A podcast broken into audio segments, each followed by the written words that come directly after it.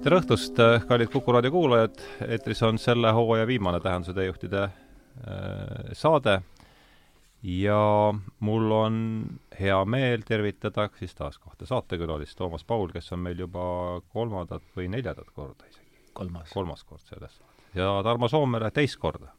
tere õhtust!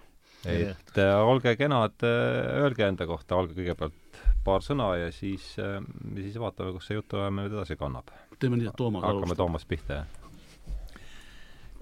no eks ta avantüür ole, tulla niisugusesse saatesse teadusest ja teaduse kukutamisest rääkima, aga eh, kiusatus oli väga suur, sest eh, minu eluajal on ju eh, see igavene ilma alguse ja lõputa universum laiali lagunenud, suure pauguga alguse saanud.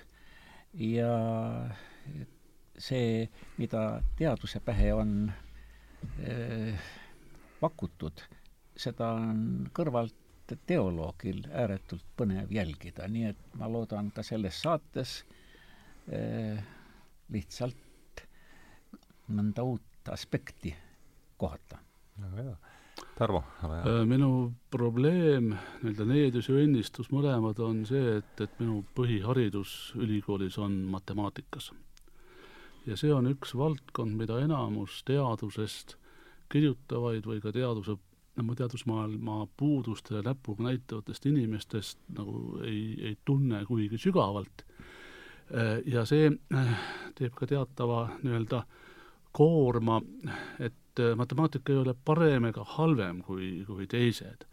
aga, aga küsimus, et kas matemaatika on ka eri universumites sama, on enamasti jäetud küsimata. see küsimus käis meil tegelikult seal Laine saates korra läbi, ma mäletan, see oli niisugune üks intrigeerivamaid asju, ma mäletan, kui, kui Tarmoga see oli see, kuidas me lepime kokku, kas me oleme siin sina või teie peal või kuidas me mis... oleks sina peal, ma pakuks. nõus. jah et see oli jah, kui ta, mis, mis mulle jäi sellest Lainemehed saatest meelde, kui olid Erkki Sven Tüüri ja, ja Aili Vindiga olime möödunud sügisel, eks. siis oli seesama, et kas matemaatika võib olla eri, erinevates universumites erinev. see küsimus jäi mulle kõrva, aga ma saan aru, et te siis defineerite üks ennast siis dialoogina ja teine rõhutas matemaatilist, oma matemaatiku jah, et ma defineeriks endas, ennast siis sellena, kellel on teadlase diagnoos okei selge. aga mis on huvitav ja võib-olla mida teised raadiokogud ei tea, on see, et teie, te olete võrdlemisi pikaajalised tuttavad võib-olla, enne kui me selle teema sisse juhatan, paar sõna ka sellest, et mitte, et me siin peaks pikalt peatuma või teie minevikus väga sorima, aga kui teil on ühesõnaga, teie pikk, teie tutvus on pikaajaline, ma saan aru ma arvan, et suur osa minu maailmapildist, mitte niivõrd üksikute väidete või arusaamiste keeles, aga, aga üldise loogika mõttes on just pärit omaaegsetest vestlustest ja kirjavahetusest Toomasega. sellest on nüüdseks äh, nii umbes nelikümmend aastat või ligi nelikümmend aastat äh,. nii et mul on temaga päris raske diskuteerida, sest ma diskuteerin tema eneseargumentidega ma ei kardagi, et üldse siin selles mõttes vastanduses eh, peaks minema, sest eh, Sheldrake, kes eh, on tänase saate aluseks, tema on juba ise niivõrd revolutsiooniline, et, et seal pigemini tuleb oma kahtlust ta uljuse puhul rakendada, et et ega siin see teadus, mida me kumbki ei, selles mõttes niimoodi oma, oma ainena ei esinda, vaid teoloogi või matemaatikuna, et siin me saame üsna sõbralikult korda aga kena, ma juhatan siis teema sisse ühe tsitaadi, siis tsitaadiga käsitluse alla tulevast raamat- või käsitlusele tulevast raamatust ja, ja siis äh, räägin paari sõnaga, mis raamat ta on ja siis hakkame, nagu meil ikka on, äh, otsast äärest siis äh, vestlema. teaduslik maailmavaade on äärmiselt mõjukas, sest teadus on olnud niivõrd edukas. teadus mõjutab meie, meie kõigi elu tehnoloogia ja nüüdisaegse meditsiini kaudu tohutu teadmiste avardumine on ümber kujunud, kujundanud meie intellektuaalse maailma meie teadmised ulatuvad ühelt poolt kõige väiksemate aineosakesteni ja teisalt maailmaruumi avarusteni, sadade miljoni, miljardite galaktikateni pidevalt paisuvas universumis. kuid kahekümne esimese sajandi teisel aastakümnel, kui teadus ja tehnoloogia näivad olevat oma võimu tipul, kui nende mõju ulatub üle kogu maakera ja kui teaduslikud saavutused tunduvad vaieldamatud, takistavad teadusi ettenägematud sisema-, sisemised probleemid. enamik teadlasi peab isene, iseenesestmõistetavateks, et need probleemid lahendatakse lõpuks edaspidiste uurimistöödega sisse käidud radasid mööda. kuid mõned, sealhulgas mina, peavad neid probleeme sügavama häda sümptomiteks. mina väidan selles raamatus, et teaduse arengut takistavad sajandite, sajandite vanused eeldused, mis on jäigastunud dogmadeks. teadusel läheks nende, nendeta paremini, teadus oleks vabam, huvitavam ja lõbusam. kõige suurem teaduse pettekujutelm on see, et teadus juba teab vastuseid. Detailid vajavad endiselt väljaselgitamist, kuid fundamentaalsed küsimused on põhimõtteliselt lahendatud. no siit võiks veel jätkata, aga, aga see toimuks juba muude asjade arvel, nii et oleme siis kokku leppinud, et me võtsime siis äh,, räägime täna inglise Briti hereetiku Rupert Sheldrake'i raamatust äh, Dogmadeta äh, teadus ilmus, ma ei mäleta, mis aastal ilmus, ingliskeelse välja peal, ingliskeelse väljaande pealkiri oli Science Delusion, mis oli siis omakorda äh,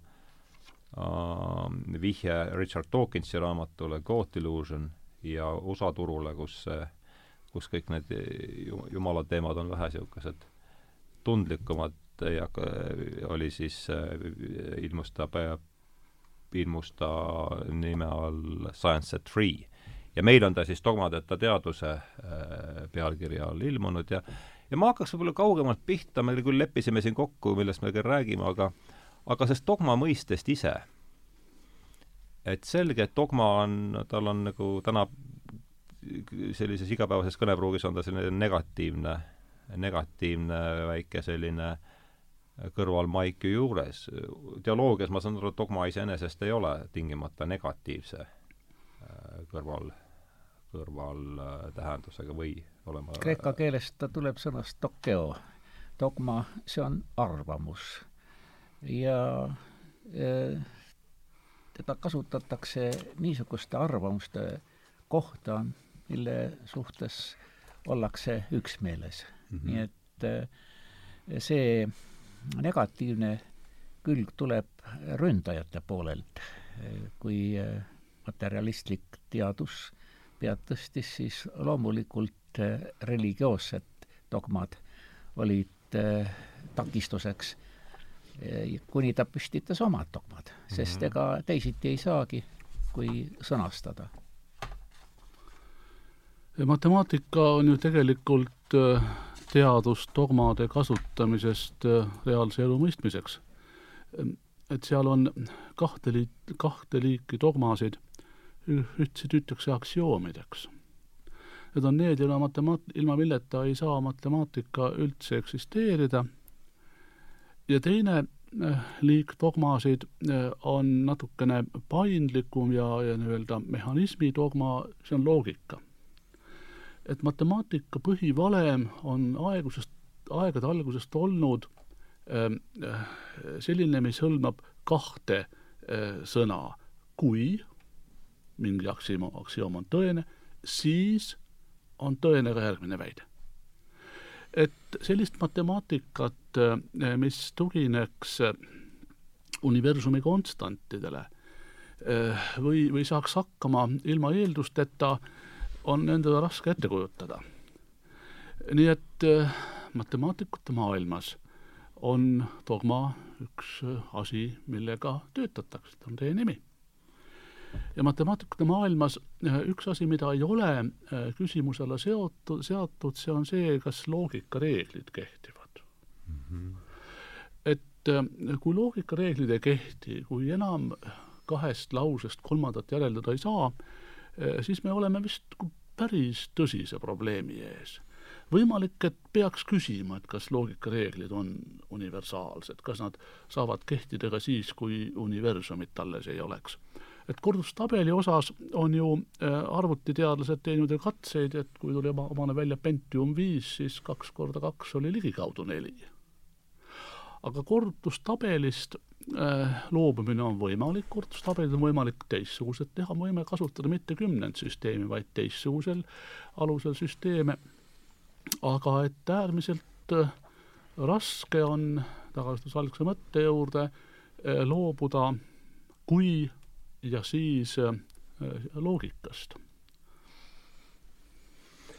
Jah, nii et noh, mulle tundub ka, et ega me ei saa ju ilma dogmadeta, jälle, kuidas me neid täpselt siis defineerime, ei tule ilma dogmadeta ju, ei saa ju ilma dogmadeta üldse hakkamagi just selles mõttes, kui matemaatikas me nimetame need aktsioomideks ja siin on ka sõnastus selline, et teaduse arengut takistavad sajandite valused, valused e-, takistavad sajandite vanused eeldused, mis on jäigastunud dogmadeks, et et ma mm, mm, noh, me ei saa ilmselgelt, eks, maailma iga päev endale uuesti avastada ja, ja tõenäoliselt on mõistlik äh, mingites asjades kokku leppida veidi pikemaks ajaks ka kui nädalaks ja, ja võib-olla aastaks ja viieks aastaks, eks, aga aga kuhu ma tahan sellega jõuda, et kus see äh, mõtiskleda ja kutsuda teid mõtisklema selle üle, et mil-, millise millise sagedusega me peaksime mingeid, kas me üldse peaksime äh, mingeid dogmasid ümber vaatama, kas äh, ja kui, siis millise sagedusega ja, ja, ja noh, veel kord, et äh, isegi ei oska praegu selget sõna, küsimust selgelt sõnastada, aga pigem teema nagu ära, ära visandada. et eks me pigem räägime arusaamisest, arusaamistest äh, ja äh, faktidest, mis saavad meil ilmseks alguses katselise kontrolli näol, aga ikkagi äh, meile mingis mõttes tajutavas, tajutavas maailmas, see on tajutava suurusega, äh, tajutava kiirusega liikuvad ja meile tajutavas ajas eksisteerivad objektid. et äh, kui me räägime nüüd dogmadest nimega jäävusseadused, Newtoni seadused, siis eks need kipuvad ju kehtima ikkagi nii-öelda meie enese suurusega äh, ja kestvuse mastaabi, mastaabiga objektide puhul. ja enamasti on maailmas nõnda, et äh, need seadused või reeglid, mida me oleme tuvastanud, nad kehtivad teatavas kindlas määramispiirkonnas, uuesti kindlas suuruste, kestvuse ja kiiruste ruumis et kui me läheme hästi suurte kiiruste juurde, siis tuleb mängu relatiivistlik mehaanika, mis on äh, Newtoni mehaanika üldistus natukene keerukamal juhul. kui me läheme hästi väikeste asjade juurde, tuleb mängu see, mida me hüüame täna kvantmehaanikaks ja mis on meie praegune arusaam mikromaailma toimimise kohta. kui me läheme tohutu suurte mastaapide ja, ja hästi pika aja juurde, siis me põrkame kokku universumi kui tervikuga ja, ja miski ei ütle või miski ei sunni universumit kui tervikut käituma nii, nagu käitub maa peal olev, olev ökosüsteem. selleks ei ole mitte mingit vajadust eeldada, et universum tervikuna käitub nii, nagu meie tuba siin mm. -hmm. dogmad, nende vajalikkus, ümbervaatamise, optimaalne ümbervaatamise sagedus? tuleb vist eh, vastata mõttes mõelda sellele, kes peaks ümber sõnastama. kui seda igaüks hakkaks tegema, siis on sellega nii nagu nende eh, kirikudogmadega, et võib ju iseendale usu teha. ja seda ka tehakse, aga see reeglina on palju primitiivsem ja vähem rahuldav kui see, mis on ajaproovis settinud. ja see tähendab, et ka siis, kui Sheldrake äh, läheb äh, üsna äh, osavalt ja raevukalt kallale, siis ta osalt tögab ju ikkagi siin Dawkinsit. et see on nõnda, et tema, kes on tegelik uurija, bioloog, saab seda ise oma kogemustest lähtudes ja asja sügavuti mm, analüüsides teha meie eest, nii et tema kiiluvees tuleb eh, ka dogmade vanade dogmade vastu ehk minna.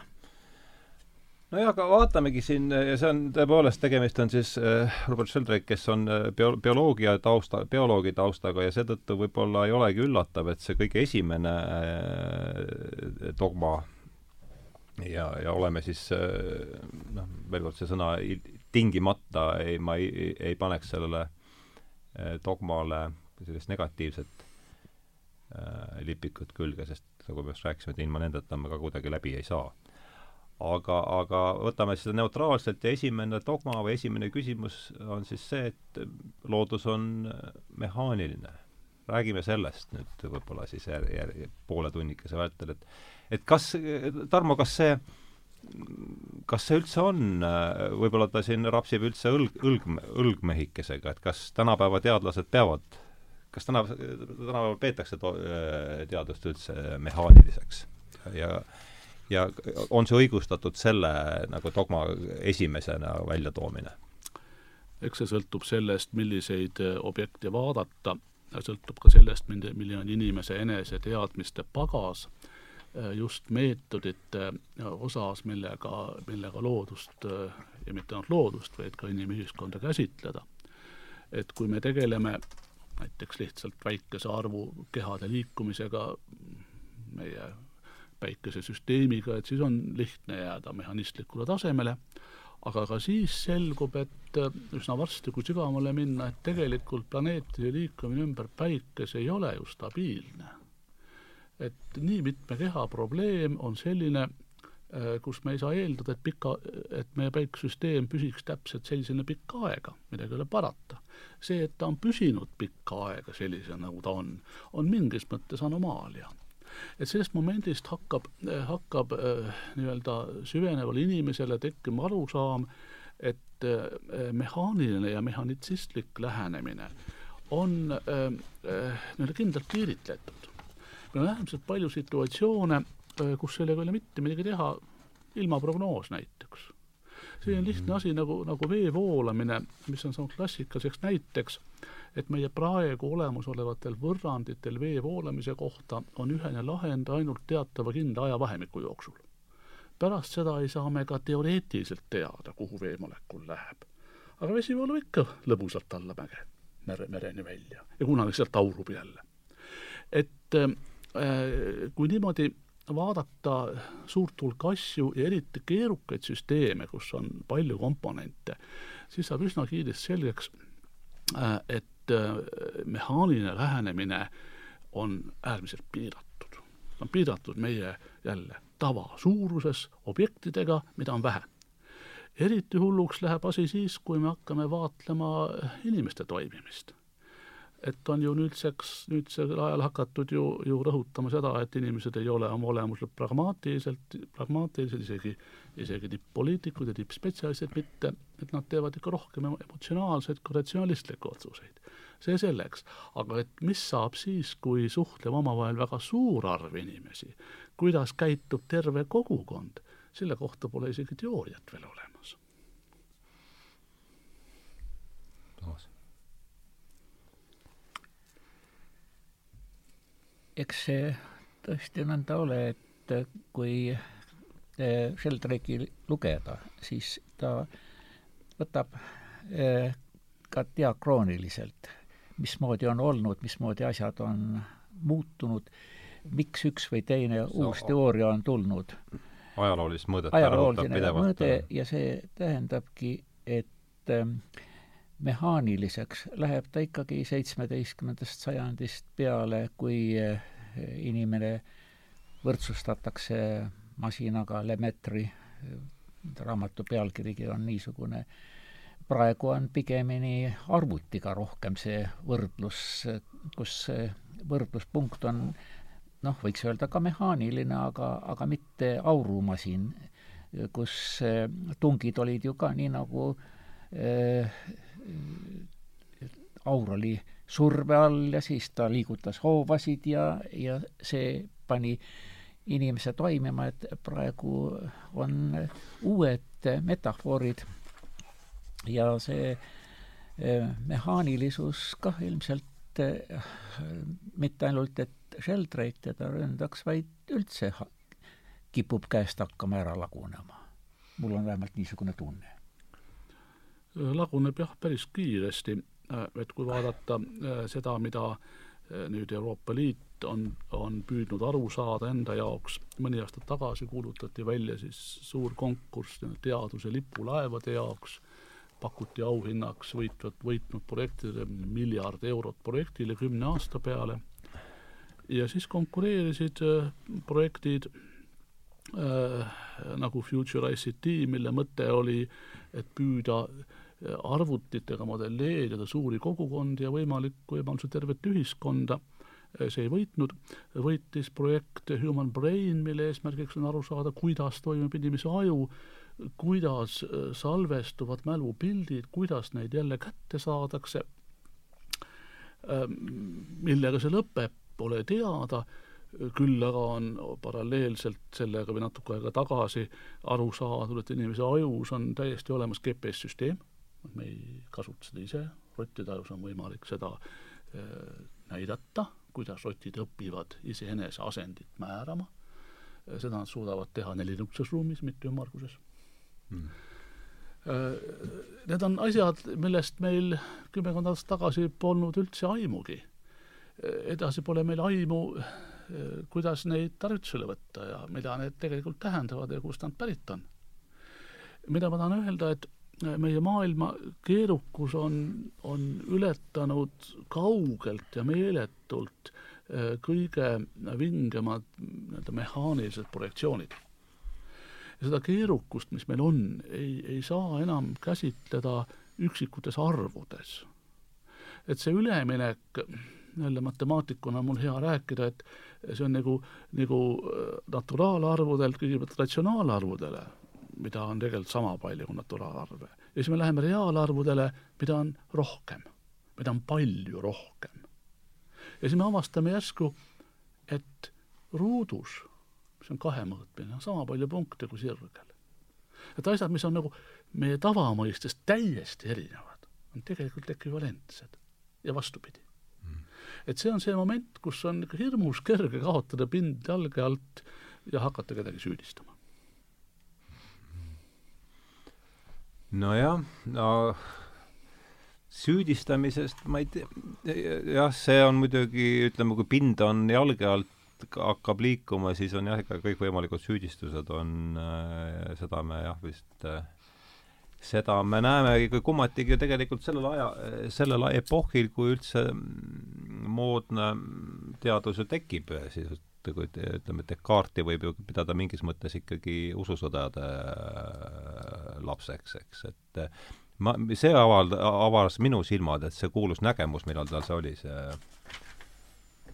siis kümnes november kuus tuhat üheksateist, et ta oli palgasõdur sel ajal ja ootas äh, rünnakukäsku kusagil, kas, ma ei mäleta täpselt kus, et see tema Descartesi nägemus ja sealt see välja kasv-, kasvav äh, see uus dogma, millest siis selles raamatus on juttu, et see, mul ei olnud küll plaanis sellest praegu rääkida, aga, aga noh, vestlus on oma loogika, et et see, see pidi pai-, andma siis kolmanda tee sealt kahe vahelt protestantide ja protestantide ja katoliiklaste äh, taplusest, mis selleks, no okei okay,, see mitte selleks ajaks, siis ta just al-, äh, sai, oli alguse saanud, aga mis kolmkümmend aastat hiljem oli võtnud äh, vähemalt poole Saksamaa rahvastikust äh,, oli läinud dogma, uue dogma otsingul äh, loojakarja, et et kuivõrd selle, kuivõrd seda, kui nüüd me vaatame Toomas, sa rõhutasid seda,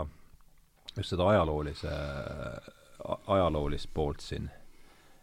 ja et, et võib-olla võtaks siit veel natuke kinni. Et kus, kus me, kus me oleme, kus me oleme seitsmeteistkümnenda sajandi alguseks üldse oma, oma, oma, oma asjadega?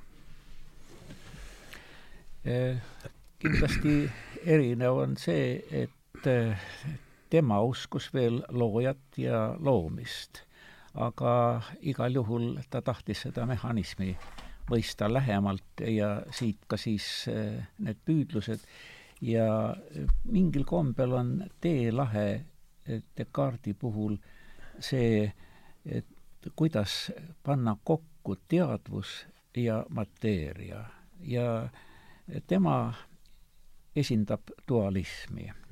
et äh, vaim on midagi kardinaalselt erinevat, mis just nagu ülendaks siis inimest, sest äh, loomadel ta seda ei tunnistanud üldse ja noh, ei tea, kas õige on, aga vähemalt äh, olevat nõudnud, et äh, peab suutma koera lüüa, et äh, üldse tema juurde tulla. laborisse saaks. jah, aga no nii või teisiti see homunculus, mis peaks olema just nagu selle vaimu esindaja kuskil siin meil kolba sees, seda ju saab lõputult aina edasi väiksemaks ja väiksemaks ja ta ei lahenda ära seda, probleemi, kuidas mateeria ja teadvus mõlemad olemas saavad olla. kas nad on siis nüüd täiesti erinevad või siis nii nagu Ruprecht siin ütleb, et teadvus palju alamal tasemel on kogu loodule omane. Et et niisugust jäika üleminekut ei ole, vaid on ainult kvalitatiivne vahe. kvantitatiivne. see, see kvantitatiivne vahe, et meil teadaolevalt on teda inimesel kõige rohkem, aga et kõigil ise organiseeruvatel ollustel kuni molekulideni välja või kristallideni, rääkimata siis taimedest ja loomadest, ja sel korral eh, see Descartesi probleem ja see dualism on eh, selliste, mm, sellise lähenemisega ikkagi lahendatud. nojah, panpsühhism eh, tundub, et on olevat üks, üks eh, viis selle kartesiaanliku dualismi ületamiseks, aga aga, aga Tarmo eelmisest märkusest üldse läks selle jutt sinna Descartesi peale, et et räägikski kuidas, kuidas sina näed tema, tema rolli selles, selle praeguse üldse noh, ütleme selle, selle suure ilmanägemise süsteemi äh, tekkes, mida me nimetame tänapäeva teaduseks ja mis on andnud meile kõik, noh, kõik need eks ta on panustanud ju mõttelukku mitmete huvitavate argumentidega, mida Toomas siin mainis, äh, et me kasutame tegelikult Descartesi pärandit ju lausa iga päev igal pool, tema, eh, tema nii-öelda käte all sündis ju ristkoordinaadistik. just. et see, et me saame maailma kvantifitseerida vähese arvu arvudega, et need arvud on omavahel võrreldavad, me saame punktile panna koordinaadid, selle kaudu tekib meetrika. selle kaudu tekib võimalus eh, arvutada mitte mõõta, vaid, vaid arvutada vahemaid, hinnata, kus paiknevad, olgu siis matemaatilised, geomeetrilised ob-, objektid või ka riigid mingitel telgedel, ja, ja meetrika olemasolu või meetrika olemasolu tajumine või sisseviimine, ma pigem ütleksin avastamine, on see, mis on aluseks, ma ütleksin praegu umbes veerandile kogu matemaatikast mm. -hmm. mis, matemaatikast, mis tegeleb mitmesuguste ruumitüüpidega Äh, nende oma, nende struktuuriga ja, ja nende aluseks on mitmesugused meetrikad, see ei pruugi olla eukleediline meetri, meetrika, mida meie kogu aeg siin, siin tarvitame, äh, see võib olla ka nii-öelda funktsioonide erinevuste hindamine, see võib olla mitmemõõtmeline, aga et äh, see on üks võimalus struktureerida seda maailma, kus me elame mm. -hmm. nii et tema pakkus välja ühe, ühe äärmiselt hästi töötava idee, kuidas maailmale saaks inimene struktuuri anda. kas see struktuur on olemas iseenesest ja, ja kas äh, nüüd meetriline ruum ja selle, selle aktsioomid jälle, mida vist küll Descartes ei viinud sisse, aga nüüd praegu nad võetakse aktsioomidena, kas nad on universaalsed, kas nad kehtivad alates mikromaailmast ja lõpetades universumi mastaabiga, seda me ei tea no kas see, lihtsalt veel kord, et see nüüd, see küsimus on puhtalt selleks, et ise paremini aru saada, et mitte siin mingit äh, lõkse, lõkse üles seada, et et, et kas, aga kas see ei ole, kas Descartesi mudel ei ole nagu mingisugune Pythagoorlik, sellise Vana-Kreeka Pythagoorliku mudeli tagasitulek, et Pythagoor, Pytha-, Pythagoras ütles, et nii palju, kui mina, nii, nii, pigem nii vähe, kui mina sellest tean, et maailm koosneb arvudest, eks. Aga neil ei olnud tol ajal, neil ei olnud tol ajal olemas ju araabia numbreid ja nad opereerisid pigem selliste geomeetri-, kui nad ütlesid arvud, siis et maailm koosneb geomeetrilistest kujunditest, eks, et et on see, on see niisuguse mingil määral niisuguse pütagoorliku maailmapildi tagasitulek Descartesi revolutsioon, võib seda niimoodi mõelda või olen ma siin nagu valedel? ma ei ole kuigi hea teadusfilosoof, aga et kujundite maailma uurib topoloogia. Jah ja topoloogia puhul pole oluline, kas, kas pudel on suur või väike, peaasi, et, et, et tema vorm oleks sama ja oleks nii-öelda siledalt ja pidevalt teisendatav. sellega tegeleb topoloogia? sellega top-, tegeleb topoloogia. nii et topoloogia äh, ei äh, uuri ruumi struktuuri sellisena, nagu mm, -hmm. nagu, nagu meil on koordinaadid ja, ja asupaik. millega topoloogia täpselt tegeleb siis? huvitav äh, ütleme ra raadiokuulajale ja minu, minusugusele ära selgitada. kujundite üldiste omadustega. et äh, õhupall ja jalgpall on topoloogiliselt samad. mõlemad on, on äh, nii-öelda seest tühjad, äh, kas nad on ümmargused või lapik, lapi, lapikud, pole enam vahet ja mõlemal on siis üks, üks ventiil. et nad on äh, pinnad, kus on üks auk. Nüüd, mis on naljakas, et ega siis ka, ka, ka pool jalgpalli on topoloogiliselt sarnane tervele jalgpallile. ei ole vahet, kui suur on see üks auk mm. -hmm. aga kui me võtame nüüd, nüüd baranka, siis see on midagi muud. see on topoloogiliselt midagi muud mm. -hmm see on pind, kus on sees teatav ruum ja see ruum on rõngakujuline, seal vahepeal on siis auk, millest me läbi näeme mm. -hmm. et topoloogia eesmärk on aru saada eh,, kuidas, kuidas kujundite vormid omavahel suhestuvad ja see on muidugi väga ultra ülelihtsustatud lähenemine. muidu ei saagi siin hakkama praegu. et topoloogia on oma, oma olemuselt kvalitatiivne, kuigi ta muidugi, muidugi kasutab hästi palju kvantitatiivseid mõõdikuid aga ruumi struktuurist, kui me mõtleme, see on oma olemuselt kvantitatiivne. meil on, tekivad teatavad mõõdikud, arvud või mhm. vektorid, mis on arvu, arvude jadad või veel keerukamad struktuurid. et topo-, topoloogia ikkagi omakorda toetub juba sellele jah, et vundamendile, mis on siis see kartesiaanlik, kartesiaanlik äh, ruum või või, või saan ma õigesti aru? topoloogia seisukohalt pole vahet, kas pall paikneb jalgpallimängus äh, keskringis või, või vastase väravas. Aga Descartes seisukohalt on tohutu vahe. ühel juhul on löödud värav, teisel juhul ei ole mm. Aa, hästi, ma selle üle pean nüüd natuke järele mõtlema, aga see pole siin nii kallis, aga ma aga Toomas, et ole hea, võta sina veel Descartes, ma loen siit ette ühe sellise, võib-olla see ha-, haakub natukene, et see asi ei jääks üldsõnaliseks, siinsamas esimese peatüki alguses, kus looduse mehaaniline, sellised sõnad, et et nüüdisaegsele teadusele pani aluse vanema orgaanilise universumi käsitluse hülgamine. masina metafoor omandas teaduslikus mõtlemises keskse tähtsuse ning sel muutusel olid väga kaugeleulatuvad tagajärjed. ühest küljest oli see äärmiselt vabastav. võimalikuks sai uue mõtlemisviisi ja uute teooriate tekkimine, mis tõukas tagant masinate leiutamist ja tehnoloogia arengut nii, ja siis on äh, paar lauset veel, ma arvan, et see on oluline selle tausta arusaamiseks, kuhu nüüd see Descartes asetub et enne seitsmeteistkümnendat sajandit pidasid peaaegu kõik inimesed iseenesestmõistetavaks, et universum on nagu organism ja nõnda ka maakera. klassikalises keskaegses ja renessansi ajast Euroopas peeti loodust elusaks.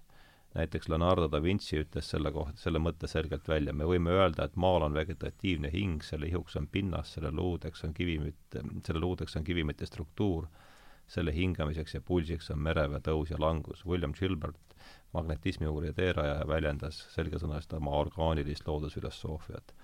me oleme seisukohal, et kogu universum on elus ning kõiki planeete, kõiki tähte ning samuti suursugust maad on algusest peale juhtinud nende endi määratud hinged ja neil on motiive ennast säilitada no see oleks justkui mingi sellise kristliku, kristliku maailmapildi kokkuvõte seal natukene ma siin põnevusega kuulasin, et kui järg minu kätte saaks, siis hüppaks tüki maad tagasi.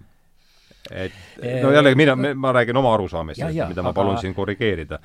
ei, ma lihtsalt eh, Descartesist ei alga maailm peale, läheksin tagasi paar tuhat aastat ja tol ajal oli animism üldine ja äh, sõna planeet tuleb kreeka keelest, mulle hirmsasti meeldib alati rääkida, mis kreeka keelest tuleb, sest eh, siis ma saan ka näidata, et ma midagi olen õppinud. ja eh, see on, plana on eksima. tähendab, planeedid on eksitähed. Need, kes ei eh, käitu korralikult, kondavad seal taevas ringi ja ega nad siis mehaaniliselt ei konda. planeetidel on omad äh, valitsejad ja gnostitsismis äh, on suured kosmogooniad, et kus, kus kohas kõik see kus kohas on suured kosmogoonid, üks sõna läks kaduma? gnostitsism ah,. Gnosti-, jah. Äh, seal on, see on see esimestel sajanditel valitsenud filosoofiline ei kuulnud sõnagi noh, sellest peaks pikemalt rääkima. sellest oleks eraldi saadet vaja, ma arvan. igal juhul, äh, igal juhul oli see endastmõistetav, et äh, tähed on elusad ja äh, et noh, kogu loodus on hingestatud ja siit on nõnda, et kahekümnenda sajandi algusel näiteks Rudolf Bultmann oma demütologiseerimisprogrammiga, jälle ma kasutan sõnu, mida peaks seletama. no igal juhul äh, nad viitavad sellele, et eh, kristlus lammutab selle maailma ära ja teeb ta mehaaniliseks. ta ah, pagendab juba... selle haldjate süsteemi mm, -hmm. kes seni oli. nii et see võttis aega, nii ja, nagu orjanduslik kord ei kadunud ära, kuigi Paulus ütleb, et ei ole siin orja ega vaba, ei ole meest ega naist, võtab aega ja niimoodi oli ka siin, et võttis aega, enne kui kõik see haldjate vägi minema aeti aga kõik käib maailmas ringi, nii et praegu äh, James Lovelock ja Kaia teooria, see on, mulle endale kohutavalt meeldib see, et äh, kui ma mõtlen Stephen Hawkingi peale, kes arvas, et äh, piisab ainult kosmoselaevast, et äh, elada ükskõik kus, kes üldse ei vaja mingisugust kontakt, noh, keskkonda, sest tema on äh, nii hää teeninduse saanud.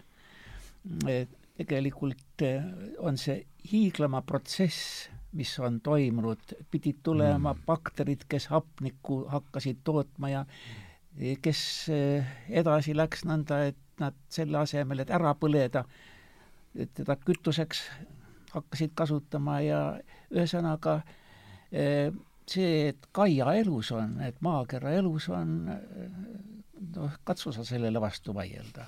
nii et kõik käib ringi.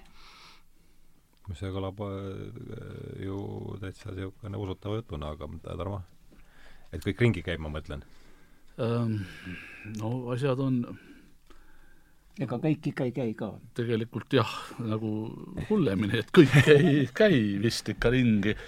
Ähm, et et see meie ringkäik või, või, või rütmiline asjade muutumine, mida me siin ju oma noh, loodusest tunneme, et see on ju meil sees ema piimaga, et rütmid on teistes maailma osades pall väga erinevad, mõnes maailma osas polegi õieti rütmi, on pidev talv või pidev suvi.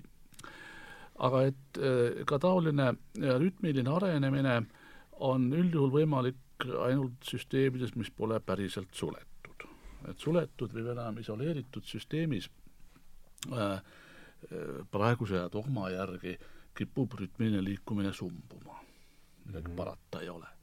et see, et meil siin rütmiline liikumine ja, ja see, mida me püüame arenguks või, või siis süsteemi muutumiseks või, või, või täpsemalt keerukamaks muutumiseks, et see on äh, sündinud päikseenergia mõjul ja pärast seda, kui maa on sa-, sai ikka kõvasti pommitatud väljastpoolt igasugu kivitükkidega, et, et siin on nagu hirmus palju selliseid äh, algtingimusi, mis tõenäoliselt juhtuvad küll, juhtus küll omal iga, iga planeediga.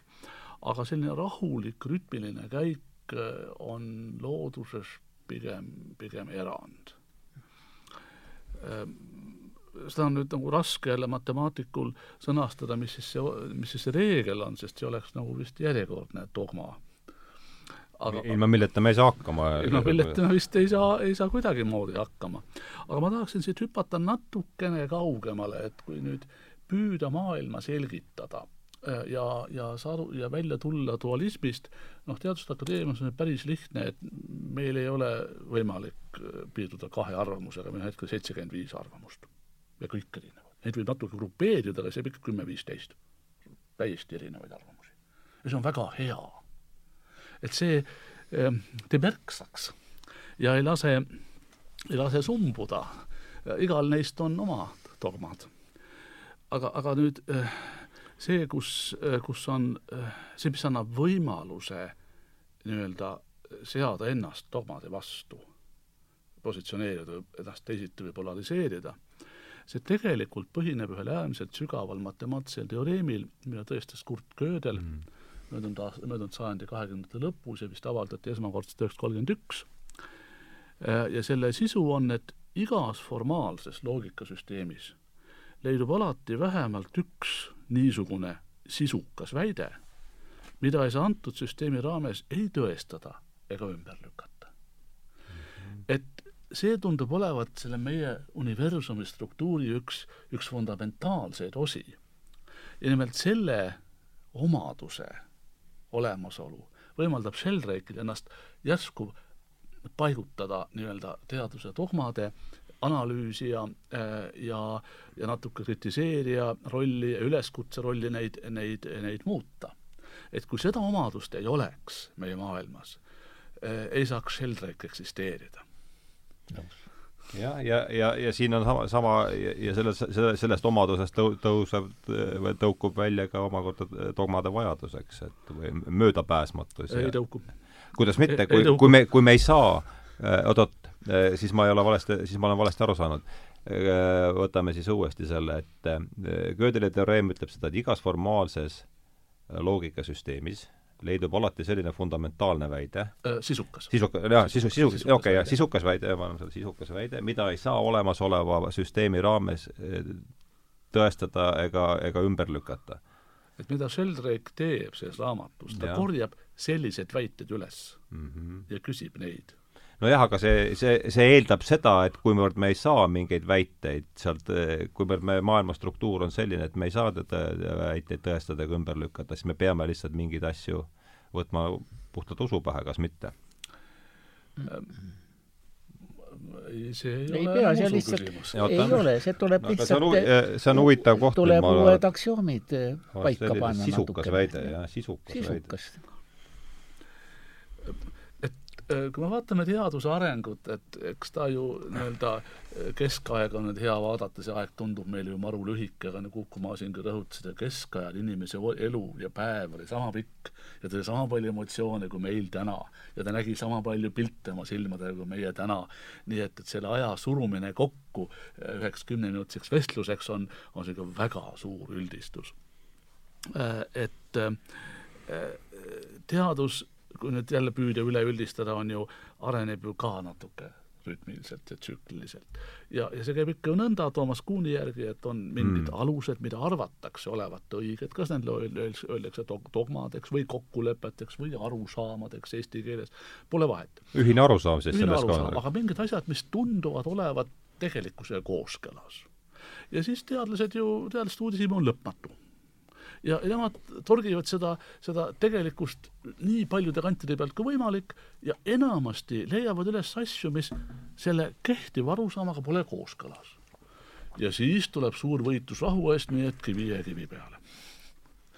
ja siis sünnib ta, äh, natukene muud, muudetud, mitte väga palju muudetud, aga veidi muudetud arusaam no see, et, äh, et vanast äh, maakesksest äh, maailmasüsteemist sündis heliotsentriline, ei ole ju tegelikult teab mis edusamm galaktika mõõtmetega võrreldes. me asend-, ainult sada viiskümmend miljonit kilomeetrit nihkus kehe, kese mm. maailma keskpunkt, aga galaktika on ikka palju suurem. nii et see tundus olevat suur hüpe äh, ähm, kindlale, kindlas formatsioonis, aga tegelikult on see imepisike millimeetri pikkune samm selles suunas, et maailma, maailma paremini mõista. ja nüüd ma tulen taha, tagasi jälle selle peamise väite juurde, et kuna maailmas alati ükskõik, Kurt Kööder ja Reemäe alusel, ükskõik kui hästi me maailma mõistame, saab küsida sisuka väite, esitada sisuka väite, meie kohta me ei oska öelda, kas see on tõde, tõde või vale. nojah, aga selleks, et me saame koos toimida ja mingi süsteemi koos panna, siis me teeme selles kohas mingi oletuse. kas mitte? Seda ütleks kokkuleppeks. just nimelt, ega ja, ja või ühiseks arusaamaks, mida me nimetame ja. ka dogmaks. jah, ja aga et nüüd aga seda ma eelpool nagu üritasin väita, sa olnud, ei olnud nõus sellega hästi. seetõttu ma tahtsingi aru saada, et kus ma eksisin. ei, ega sa ei eksinud absoluutselt, ma tahan natuke teist öelda, et e, selle sisukate, mittetõestavat, tõestatavate väidete olemasolu annab pinna või loob võimaluse äh, kiuslikeks küsimusteks mm. -hmm. jaa, kahtlemata ja nüüd on, nüüd on äh, nagu pigem küsimusi selles, et äh, kas inimene pühendab oma aja äh, teadmiste baasi täiendamisele, millegi uue ja olulise teadasaamisele ja selle kommunikeerimis, kommunikeerimise teistele. või ta arvab, et, et on palju vingem küsida kiusakaid küsimusi.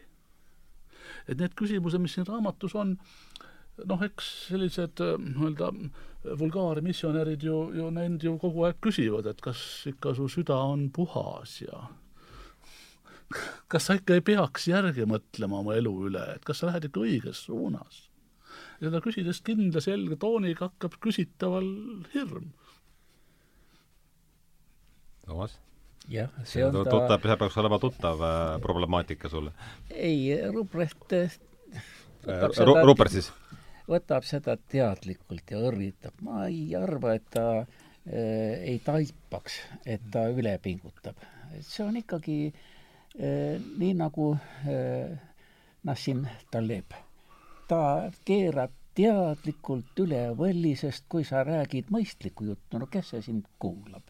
aga pane ikka nii, et aitab, siis äh, hakkavad mõtlema ja küsivad äh, ja noh, tähendab, siin minu jaoks on selles raamatus, ma ei tea, kas saates tohib ütelda, ikkagi see ilma toiduta toitumine ja, ja terve hulk muidki asju, mida ma ei suuda uskuda, ma ei ole nii usklik kui eh, Sheldrake.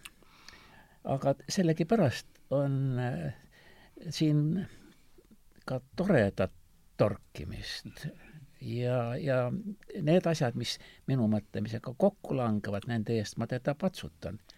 kas või see organismi jah, selle, seetõttu me nagu leppisimegi kokku, et me räägime siin valdavalt siis kolmest äh, dogmast, sest noh, juba see, et, et see arv kümne peale viia, see eeldab juba, kui on raamatu struktuur selline, et need dogmasid peab olema kümme, noh siis on, tõenäoliselt on osad vähe dekaloogi analoogia just nimelt, et, et siis on selge, et osad kohad on ähm, äh, veenvamad kui teised, seal pole ka midagi teha, aga aga me tahtsimegi siis, kui me selleks vestluseks kokku tulime, siis me arutasime kahe, mõtlesime, et me räägime siis kah kolmest teemast, et üks on see, et üks väide, mis, millel siis Sheldrake'i järgi äh, meie moodne maailmapilt, teaduslik maailmapilt äh, rajaneb, on see, et loodus on mehaaniline, teine on see, et äh, loodusseadused on muutumatud ja kolmas on siis see, mis on esimesega suhteliselt tihedalt seotud ja teda võiks ka vaadata nagu koos, et et mateeria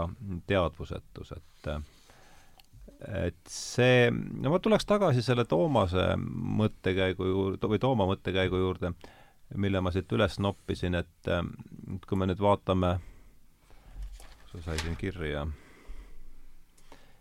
jah, et kristlus äh, lõhub selle äh, animistlikku süsteemi, sa väljendasid väga kenasti, et pagend, pagendab haldjad ja selle pinnale, ma, ma nagu näen, sain, sain ma õigesti aru, et Descartes on siis, tuleb sellelt pinnalt ja lööb siis selle äh, haldjatest ja vaimudest läbi põimitud looduse kaheks, et siin on meil siis nüüd mateeria ja siin on inimvaim, et kas ma saan, sain ma, veel kord ma küsin, et kas ma sain õigesti aru nendest äh, no Descartes ei ole esimene, ei ole ainus, vaid pigemini on mõte selles, et eh, monoteism on algkristluses niivõrd radikaalne, et eh, seal ei jätku seda muu looduse jaoks mm. -hmm. iseenesest näiteks Vana-testamendis on kõigil loomadel hing ja niisugustes kriitilisemates või skeptilisemates kohtades nagu Koguja raamat ja ka tarkuse raamatutes on küsimus, mis vahet on inimese ja looma hingel. ühesõnaga see, et loomadel hing on, see on Vana-testamendis väga selgelt olemas ja ega Uues Testamendis seda ei vaidlustata. nii et võttes ka piibli terviku seisukohalt võiks see niimoodi olla, aga lihtsalt ähm, eh, see demütologiseerijate mõte oli, et eh, niivõrd radikaalselt eh, monoteismi toetudes ei ole vaja arvestada planeete, et nemad sinu saatust muudavad. sa ei pea taevakaarti tegema, vaid sa saad uurida teda kui taevakeha. et kristlus annab eelduse tänapäeva mhm. teaduslikule maailma uurimisele, mitte Descartesile ainult, vaid ja, ja, üldse kogu just see monoteisti-, monoteistlik aspekt. monoteistlik aspekt, mis need vahepealsed jõud, mida arvestama peaks, et eh, loomal hing on okei okay,, aga et ähm, planeet ei konda ringi sellepärast et, et ta eh, valdaja on üks eksinud ingel. nii eh, selle vaidlustamine, aga ma muidu mis on sisuliselt inimese psühholoogia projitseerimine sisuliselt ju taeva käe, kas mitte? ei no tol, ei tol ajal, tol ajal võeti seda ikkagi päris äh, mitte mingi... ei no kui, kui, kui me räägime mingist hulk, hulkuvast planeedist, kaotanud hingest, siis me ju sellega projitseerime sisuliselt oma psühholoogia ju no see on juba tänapäeva selline kõrvaltvaataja pilk, aga tol ajal võeti ikkagi seda reaalselt niimoodi, et et, et nii see ongi no.. Need olidki elusolendid mm. -hmm. vaimolendid, taevaalust kurjuse väed, mida Paulus ka nimetab. ainult et nendel ei ole noh, niisugust eh, meelevalda inimese üle. ja sellepärast saab inimene eh, selle mm, looduse uuringu, uurimise kallale asuda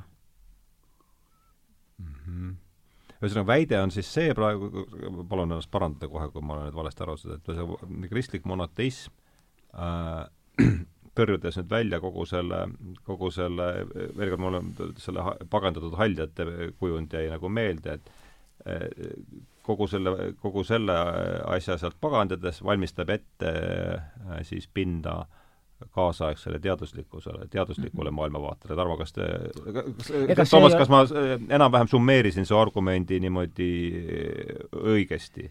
ma ei ütleks, et see ka minu argument ei no seda, mida ma sult kuulsin praegu. jaa, see ei tarvitse kah õige olla, aga ta on lihtsalt üks märk sellest, et äh, kristluse ja teaduse roll sellega on nii, et viisteist aastat äh, enne seda, kui teaduskogukond üldiselt suurt pauku aktsepteeris eh, eh, Pius kaheteistkümnes eh, võttis ta, aktsepteeris ja tegi sellega karutöö, selle, või kuidas öelda, karutembu, sellepärast et noh, Fred Hoyle ja terve hulk kõiki neid ja Nõukogude teadlased ei saanud ju seda pärast seda, kui paavst on suure paugu aktsepteerinud, seda enam üldse noh, see oli ikkagi kaua aega klimp kurgus.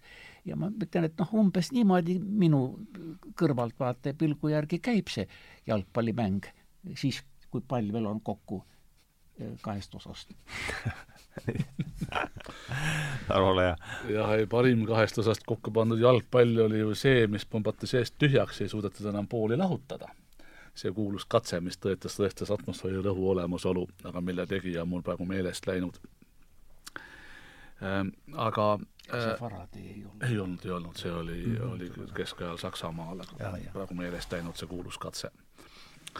Äh, aga et äh, see, et me praegu oleme siin, kus me oleme ja, ja oskame niimoodi mõelda ja ja oskame intelligentselt suhestuda Sheldrake'i raamatuga, et seal on ju jah, miljardeid aastaid elu arengut ja tuhandeid aastaid ju mõtlejate panust, mis kõik on mingil mo-, moel ju integreerunud meisse.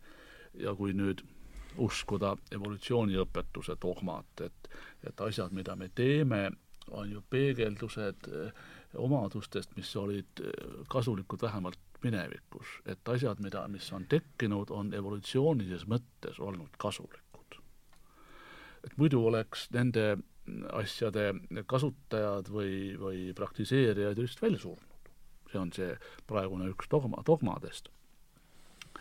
aga ma tahaksin hüpata natukene kaugemale, et, et need argumendid äh, selle kohta, et mis on mille aluseks olnud või kust, mis on, järeldub, need on nagu, nagu natukene mehhanitsistlikud, õige natukene. ja, ja eks nad ju natukene peegeldavad ju seda arusaama, et, et me saame tükkidest inimese kokku panna ja et saamegi inimese. et nüüd eh, selle arusaam, et tervik on suurem kui osade summa, oli nii-öelda humaniooras ja sotsiaalias ammu teada. aga matemaatikasse ja füüsikasse jõudis see alles ju mõnikümmend aastat tagasi mm. -hmm. et üks pluss üks ei pruugi olla kaks, vaid võib olla ma ei tea, neli, kaheksa või igatahes mis iganes, sõltuvalt protsessist. et tervik on sageli suurem kui osade summa. et selle sügavat tähendust ei ole mu meelest tänaseni mõistetud, et kui palju võib olla tervik suurem kui osade summa. no sellest ta minu arust praegu palju, päris palju räägib siin, eks ole. jah, aga ta ei lõpeta seda mõtet ära mm. -hmm. et, ähm,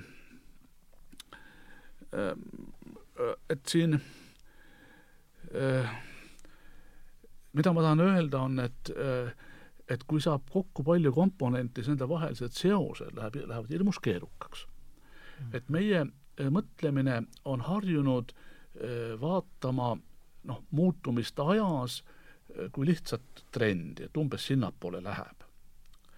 tegelikult on, on need seosed ja muutumised noh, jälle siis erialaterminit kasutades sügavalt mittelineaarsed, äärmiselt keerukad, me ei tea, on nad eksponentsiaalsed, on nad polünümiaalsed, mis iganes, hästi keerukas funktsioon, millest meie siin ise näeme pisikest jupikest. ja me püüame seda lähendada mõnele meile teadaoleva asjaga noh, sirgjoonega alguses mm. -hmm. et see on ju see, millele juhtis akadeemik Gustav Naan tähelepanu, et meie maailm on jõnksuline. mittelineaarne siis? jah, sügavalt mittelineaarne. et me saame ainult lühikeste ajavahemike jooksul teda vaadelda nii-öelda lineaarselt arenevana. aga sealt nüüd järgmine mõte, et siis äh, need inimesed, kes ja mõtlejad, kes arvavad, noh, et mingi moment tuleb singulaarsus, et tuleb plahvatus, ei tule lihtsalt need seosed, mis on palju-palju keerulisemad, kui me isegi oskame arvata, need seosed hakkavad avalduma, mida me tavaliselt ei näe. ja need suruvad siis plahvatuse maha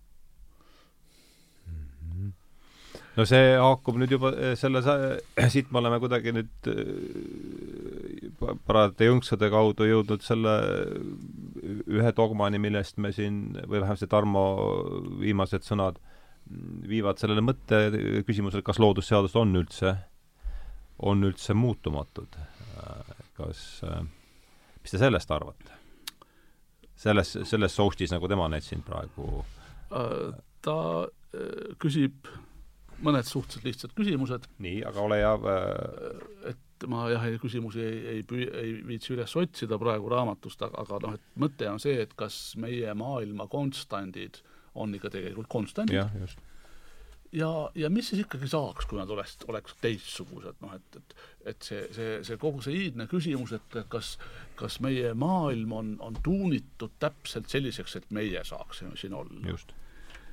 Noh, matemaatika loodusteadlane ütleb siin kahte asja, et loodusseadused, nagu meie, meie neist aru saame, ja korrad siis ennast, et need on need sea-, seaduspärasused, mida me oleme tuvastanud siin oma silmade, käte, ma ei tea, nahaga ja siis mõõteriistadega.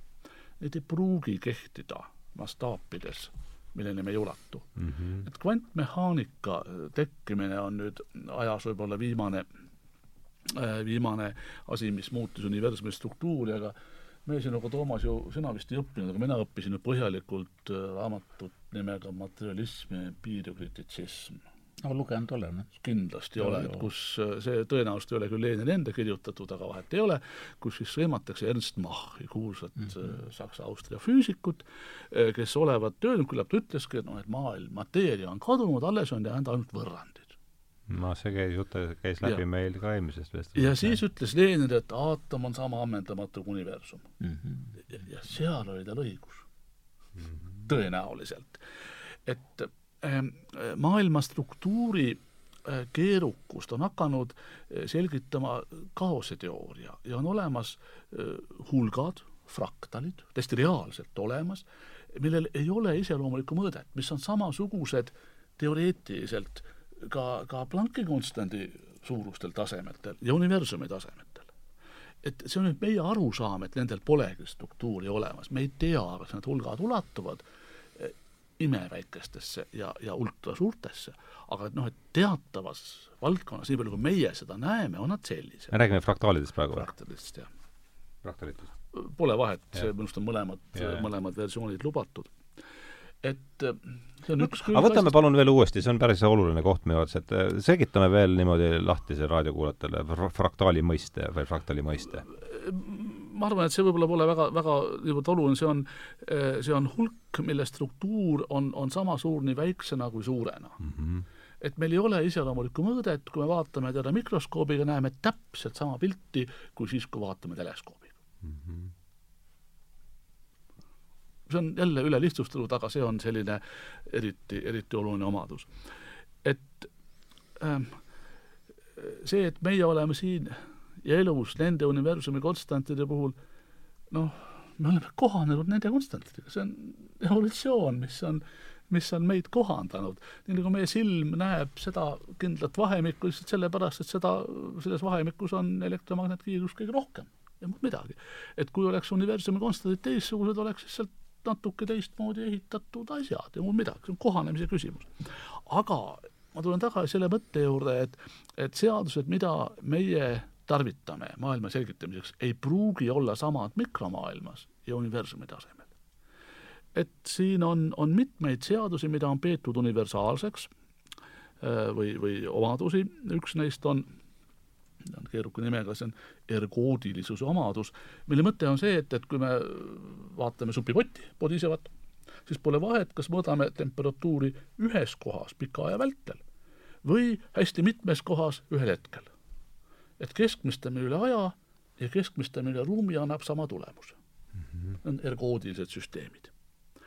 Ja pikka aega arvati, et kui nüüd jätta kõrvale siin, siin klimaatsed erinevused ja, ja muud taolised pisiasjad, et siis ergoodilisuse omadus kehtib atmosfääris ka suurtes mastaapides. selgus tuhande üheksasaja seitsmekümnendatel, et ookeanis ei kehti. saab tõestada, et ookeanis ei kehti et, et see, et me arvame, et omadused või seadused on siin olemas äh, meie vaadeldavates või katteliselt kontrollitavates mastaapides, sellest ei järeldu, et nad on samad universumi mastaabis ja olid samad mil-, samad viisteist miljardit aastat mm. tagasi. et, et seda järeldust ei saa teha üks, üks endast lugupidav teadlane. aga noh, Sheldrake teeb niisuguse ilusa nagu substit-, substitutsiooni, et ta loob endale kujutluse teadlasest, kes väidab midagi ja ründab siis seda kujutlust ja väga efektiivselt ja täiesti mm -hmm. nauditavalt jah, aga selles mõttes, kui võtta evolutsiooni ikkagi niimoodi, et see tegelikult on universaalne ja et ta ei ole ainult äh, orgaanilise ainega, vaid ka universumis.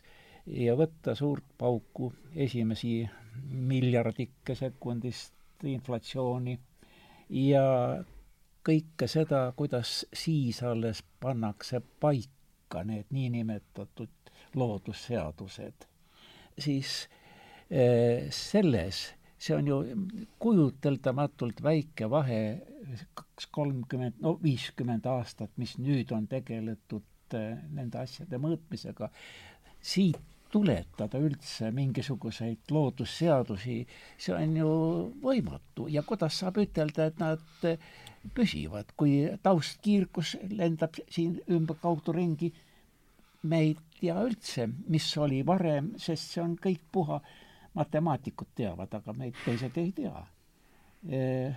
mis oli sekundi pärast või, või ühesõnaga, miks peaks arvama, et kolmeteist ja poole miljardi pärast äh, on nüüd nad paika nihkunud?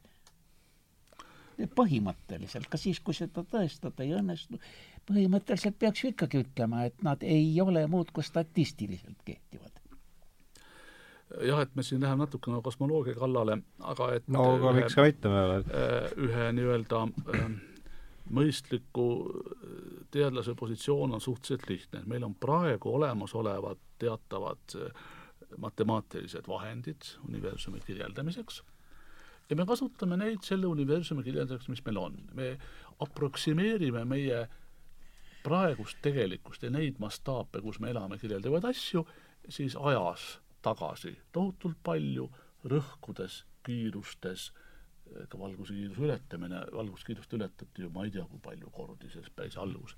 et, et see, see, mis siis toimus, ei ole ju lihtsalt kirjeldatav meie kaasaja matemaatikaga.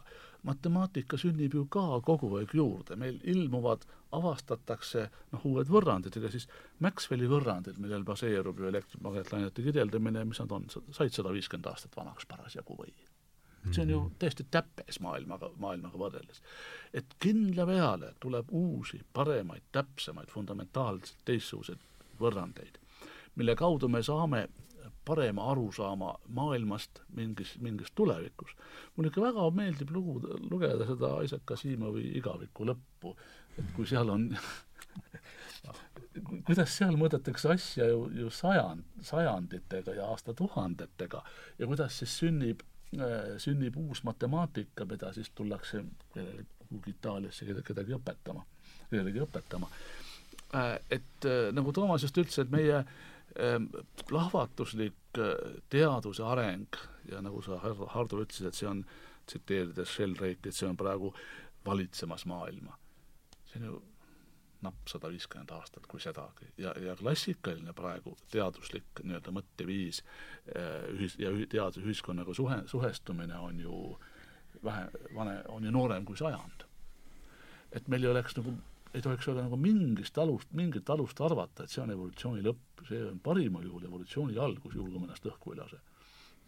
see on jah suur suur kui. et aproksimeerimine tulevikku ja abs-, aproksimeerimine nendesse mastaapidesse ja tingimustesse, noh, mis äh, erinevad väga oluliselt meie omadest, on julgustükk.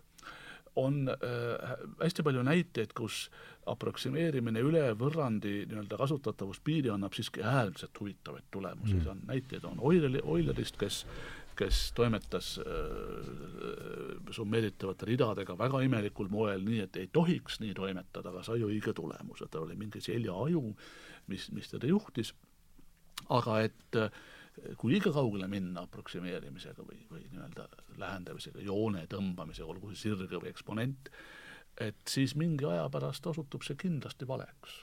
nüüd on see teadlase nii-öelda äh, suurim oskus täna on mõista kus see teadmine osutub ebaadekvaatseks, mida ta saab mm. -hmm. et see on ju nii, et äh, teadusmaailmas on ju noh, teooriaid ju võimalik ju kolme tükki, kolme, kolme sorti, et on õiged, valed või mitterelevantsed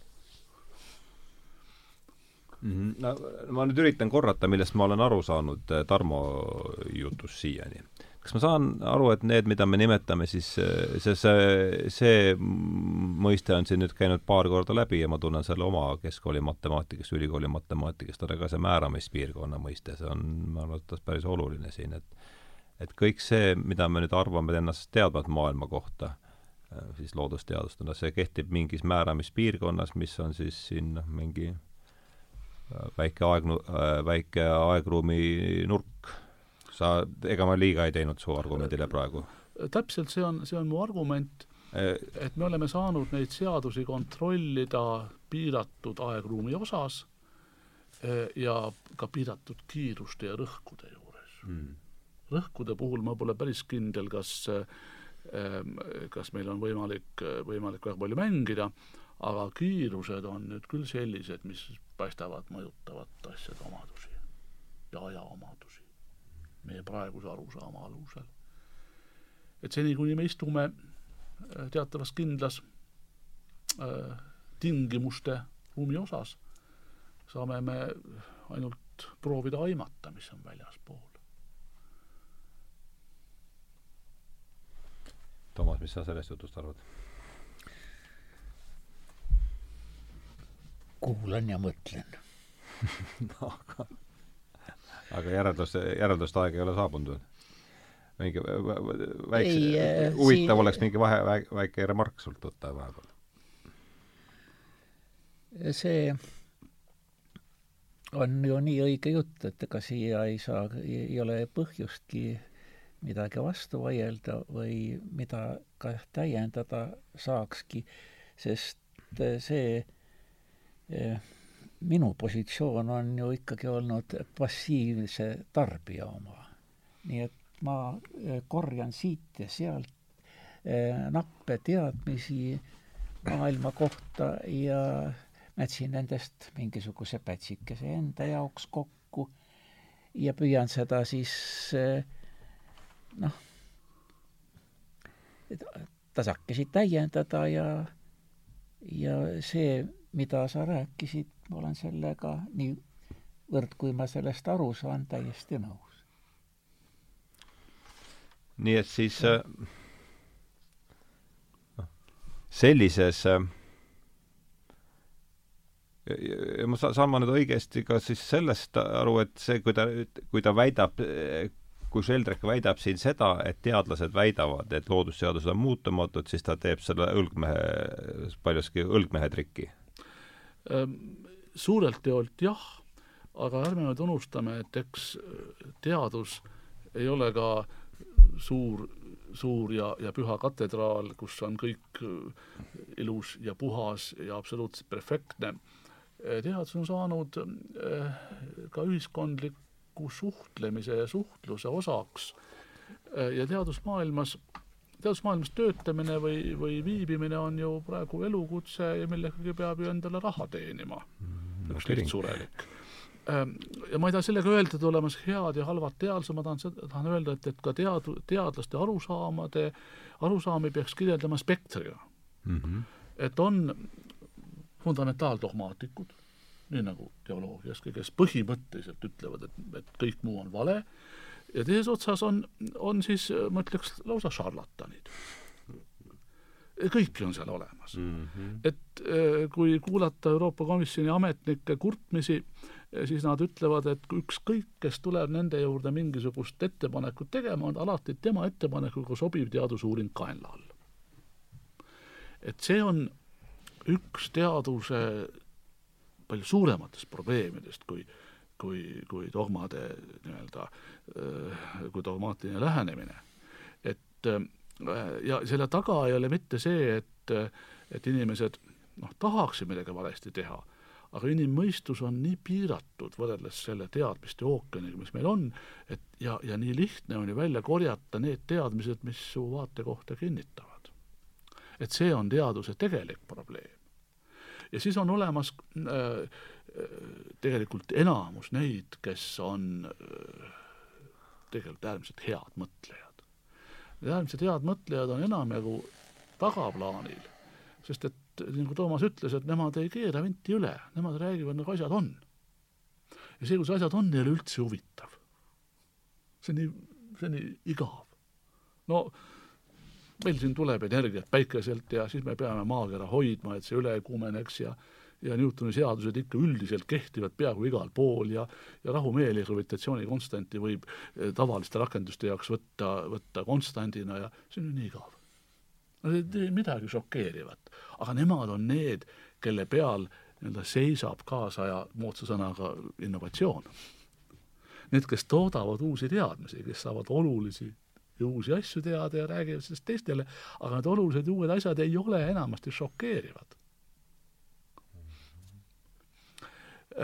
Ja, ja sealt siis see, see probleem, et kui keegi julgeb võtta polariseerunud positsiooni ja küsida neid küsimusi, mis peavad eksisteerima tänu Gödel'i teoreemile, siis tundub see äärmiselt vinge ja see on väga vajalik, ikka teadlaskond peab ka vahest nii-öelda sagedamini kui praegu peeglisse vaatama. nojah, ma saan aru, et kui jälle üritada ups, mul juhtus sama, ma lülitasin ju välja. mul juhtus sama asi siin just äh, pool tundi tagasi, et pole hullu midagi. ta ju ometi välja, aga aga jah, et noh, kui see jällegi Tarmo juttu üritada nüüd enda selliste sõnadega taga, või osa sellest, et siis teaduse probleem tundub olevat selles, et seda teevad inimesed.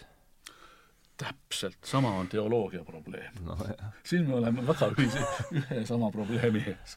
Äh, jah, ja lõpuks äh, teadlasi on nende äärmuste, kui see skaala kõrvale jätta, ka eh, nõnda, et eh, need, kellel on võime midagi päris uut mõelda välja ja ilmselt enne saja viiekümne aastast oli seda kergem kui praegu, et nüüd ta peabki olema, et kambaga tehakse. Ja see, et kellelgi midagi tõepoolest uut ja samas kah õiget pähe pistab, on ikkagi väga-väga suur haruldus, et teised teevad oma rutiinset tööd, nii nagu üks kirikuõpetaja, ta ei pea mitte eh, noh, uut süsteemi paika panema, vaid püüdma seda sõnastada nõnda, et see inimene, kes teda kuulab, et ta ise kõigepealt aru saaks, mida öeldud on, mismoodi need asjad siin vaimumaailmas töötada võiksid, nii nagu siin teadlase jaoks kogu universumis, et, et sellepärast kui nõuda seda ühelt külapreestrilt, et ta veel suur tark oleks ja ja teoloogias kah noh, midagi uut ütleks, ei ole, see on ikkagi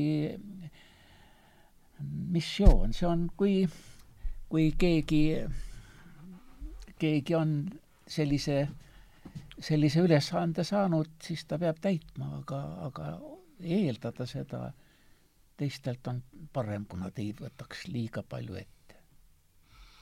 Võib-olla teadlastega ka.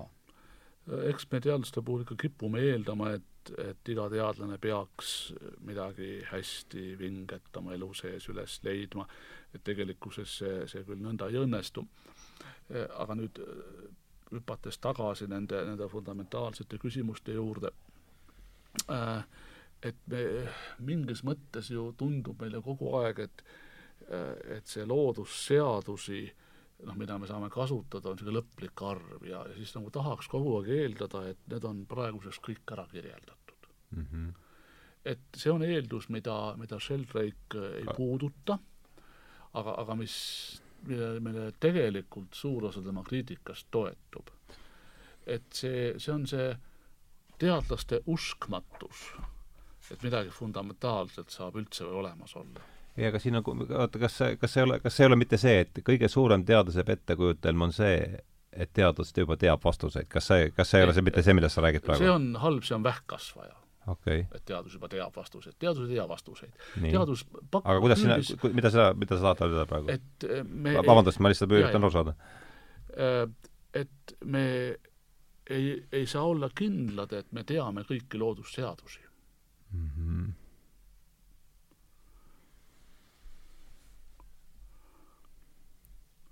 või siis teistmoodi öeldes, et me, et me teame kõiki noh, nimetame neid äh, mateeria ja väljade eksisteerimise vorme.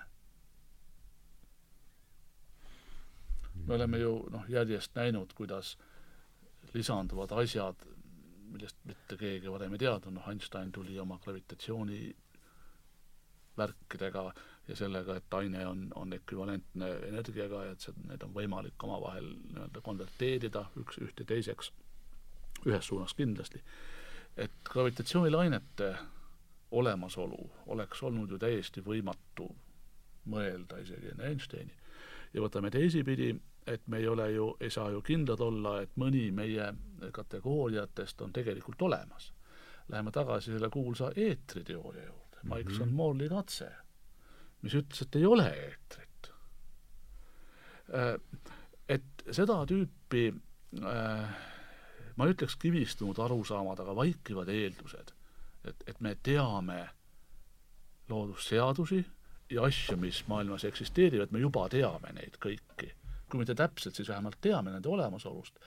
see on, on see, mille vastu Sheldrake tegelikult ristisõtta lähes. see on küll õige, jah, nii ma saan tast ka aru. see on ju see, äh, see on see, mille kohta me ei tea, et, et ta, et ta, et me ei tea unknown unknowns on see ilus, ilus kaasaegne just, ja tema, ta jätab sellele ruumi minu arvates, kas mitte? ja, ja et see on see, mida ta tegelikult tahaks, et inimesed, inimesed saaksid aru, et me ei pruugi kõike teada.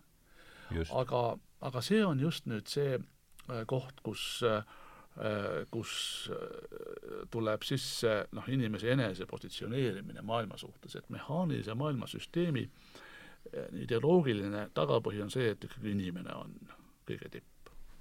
no ei ole kõige tipp, et kui me saame kuskil Austraalias kokku krokodilliga, küsime, et mis ta siis minust mõtleb. on kolm võimalust, ta mõtleb minust kas kui hommikusöögist, lõunasöögist või õhtusöögist. ja kui tal kõht täis on, siis ta ei mõtle midagi minust.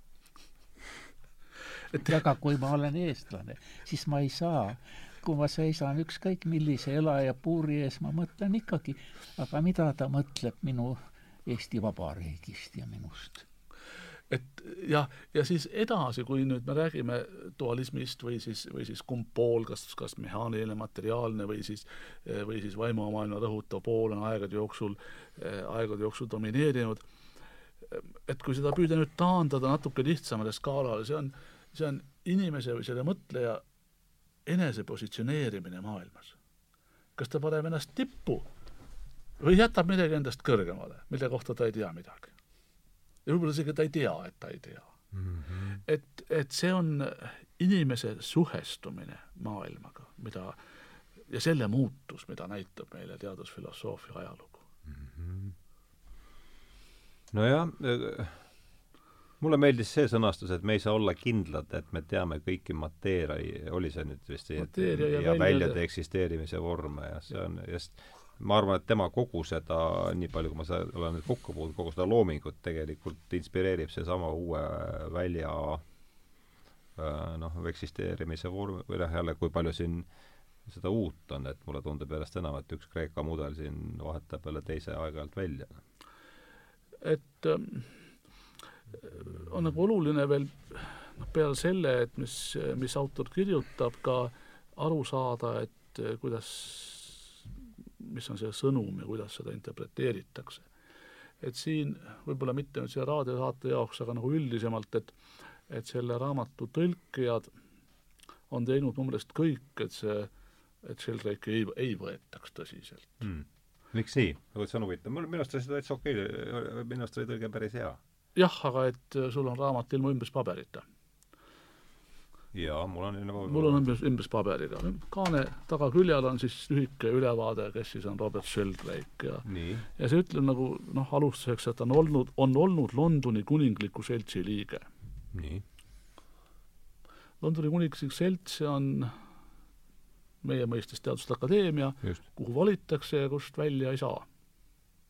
ainult surres mm. -hmm. ta peaks surnud olema et kui lähemalt vaadata, ta pole kunagi sinna valitud, aga ta on saanud kuningliku seltsi stipendiumi, Rosenheim Research Fellow.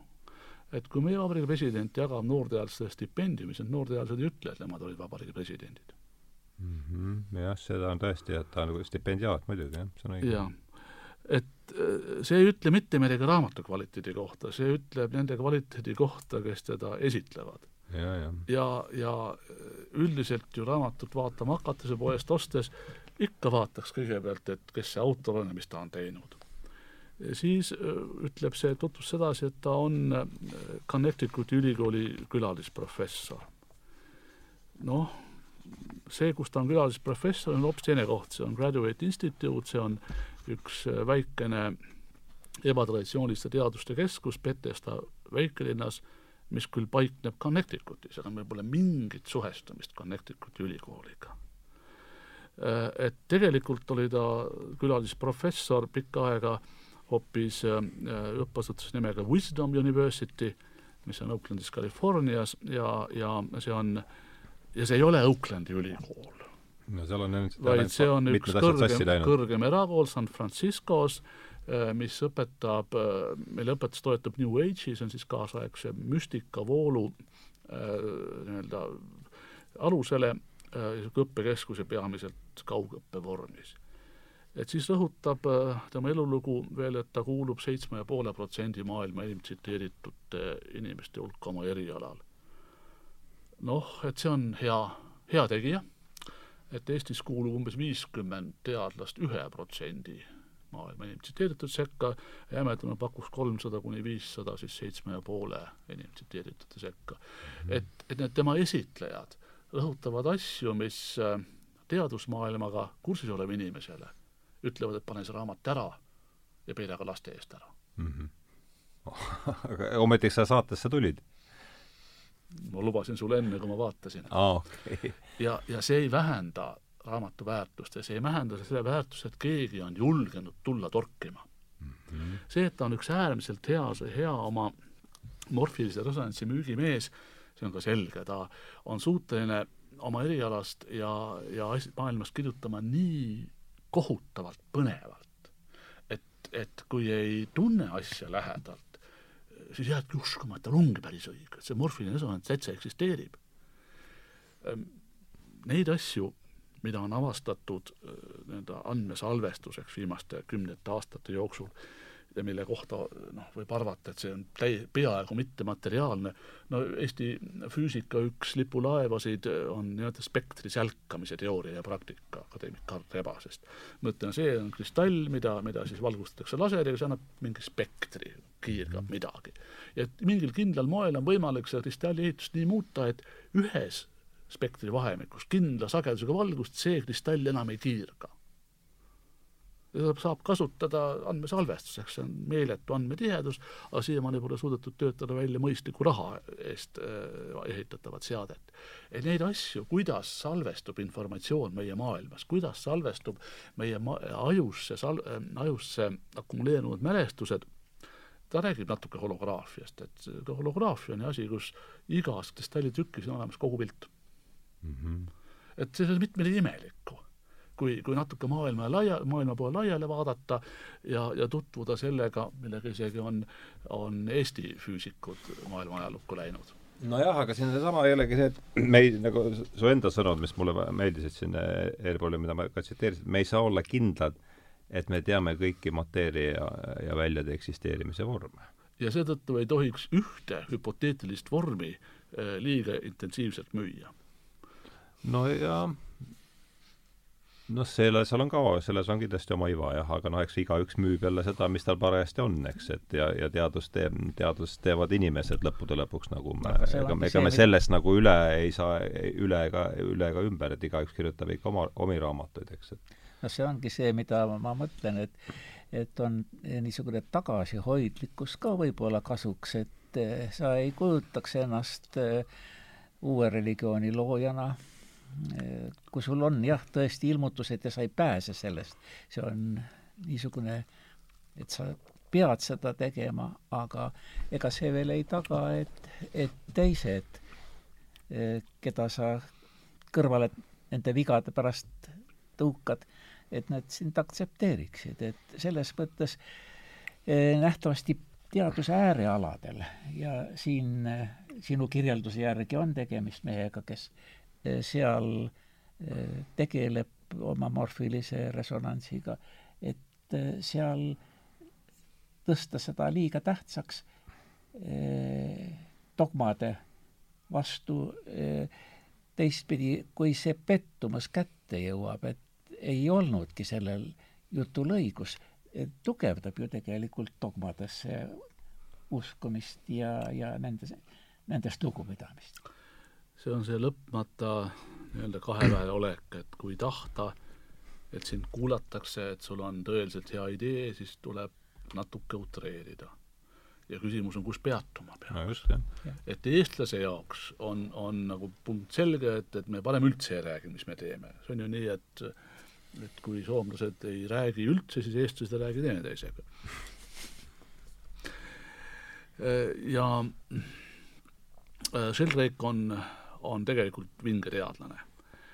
tal on artikleid maailma absoluutses tippajakirjades, ta on avastanud ühe bioloogilise mehhanismi, mille sisusse ma ei, lihtsalt ei jõudnud tungida, nii et igati vinge teadlane.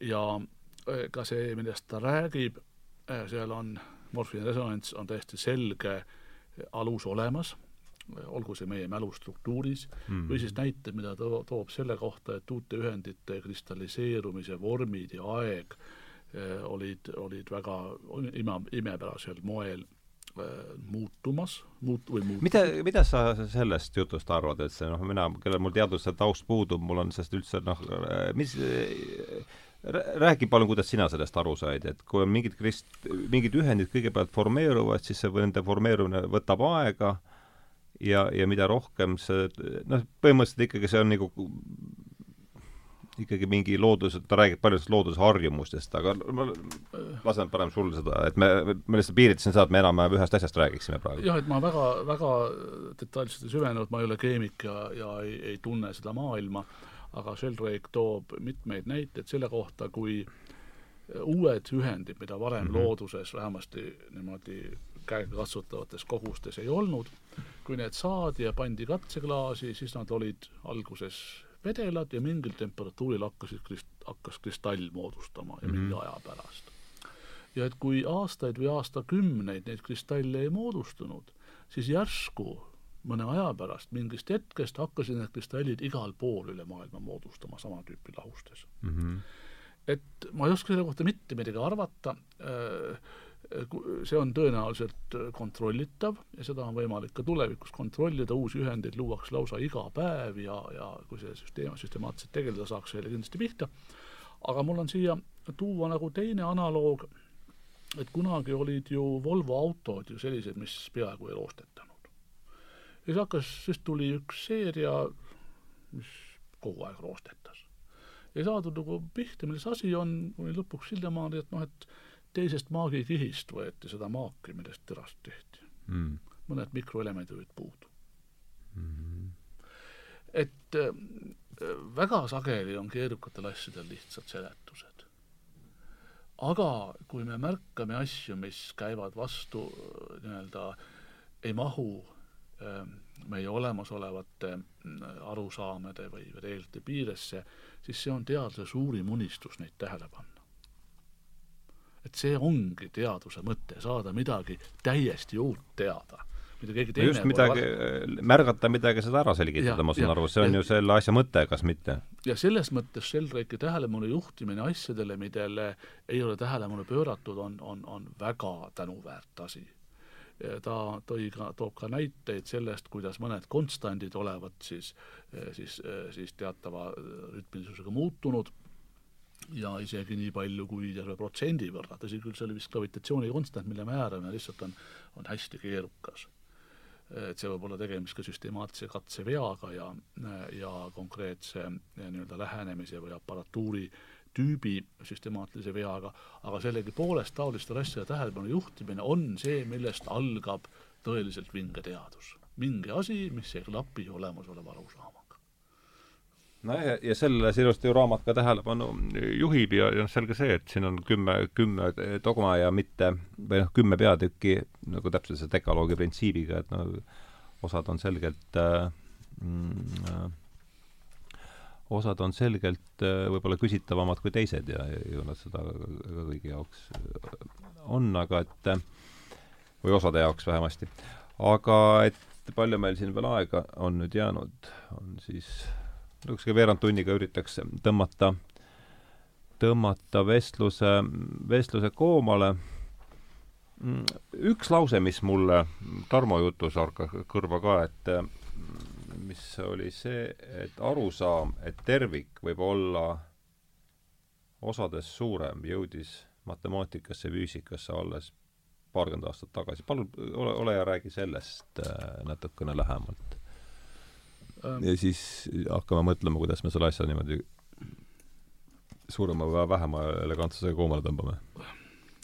et äh, minu kogemus selles vallas äh, teadust tehes on äh, Äh, on siis nimetatud mittelineaarsest maailmast. Äh, lineaarne maailm ei ole mitte joonlauaga tõmmatud, vaid et, et kui me räägime nendest kategooriatest, me räägime teatavatest võrranditest.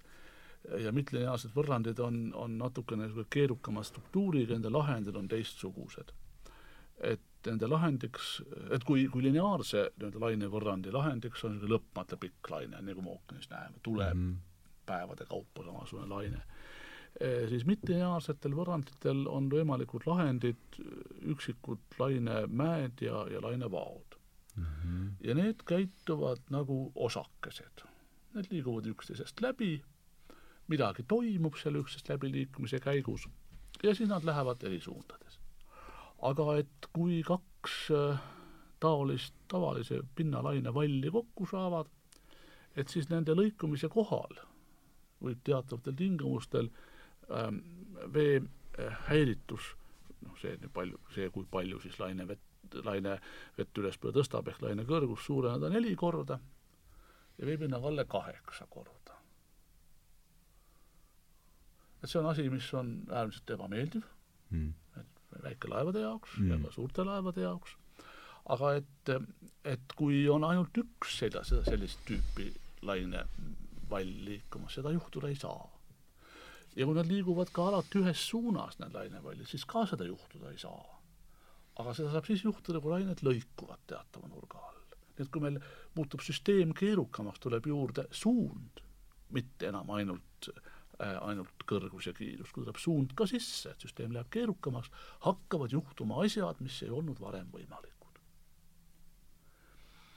Ähm, et see on võib-olla ka ülelihtsustatud näide sellest, kuidas äh, Äh, kuidas süsteemi keerukamaks muutumise ja nii-öelda dimensioonide või me nimetame vabadusastmeteks, äh, ka selle keskkonna keerukamaks muutumise ka, kaasnevad efektid, mille, mis oleks tundunud täiesti võimatud, kuni neid ise näinud ei ole mm. -hmm. et sealt siis see, see arusaam, täpsemalt, see on üks hästi väike näide sellest, kuidas vaid hakkas kujunema vaikselt arusaam, et tervik kui on palju, kui on mit-, kui on rohkem kui üks asi süsteemis, võib omada mingeid omadusi, mis, mis ei ole äh, lihtsalt äh, tükkide omadest summa. noh, hea lihtne näide on automootor. Pole vahet ju, kuidas nüüd laua peal neid tükke järjestada, kui ta on kokku pandud ja, ja kütus, kütusega varustatud, teeb tööd mm. -hmm.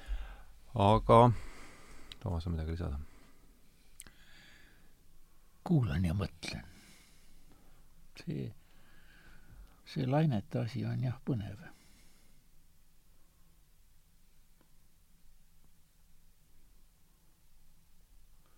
Teda, lainete asja saab vaadelda kui võib-olla kõige lihtsama näitena üldse, kui, kui süsteemis on ühe, ühe äh, lulla asemel kaks ja süsteem on laiem kui lihtsalt mööda joont liikumine mm. -hmm. ja rohkem polegi vaja, et tuleks fundamentaalselt uued nähtused meie ellu.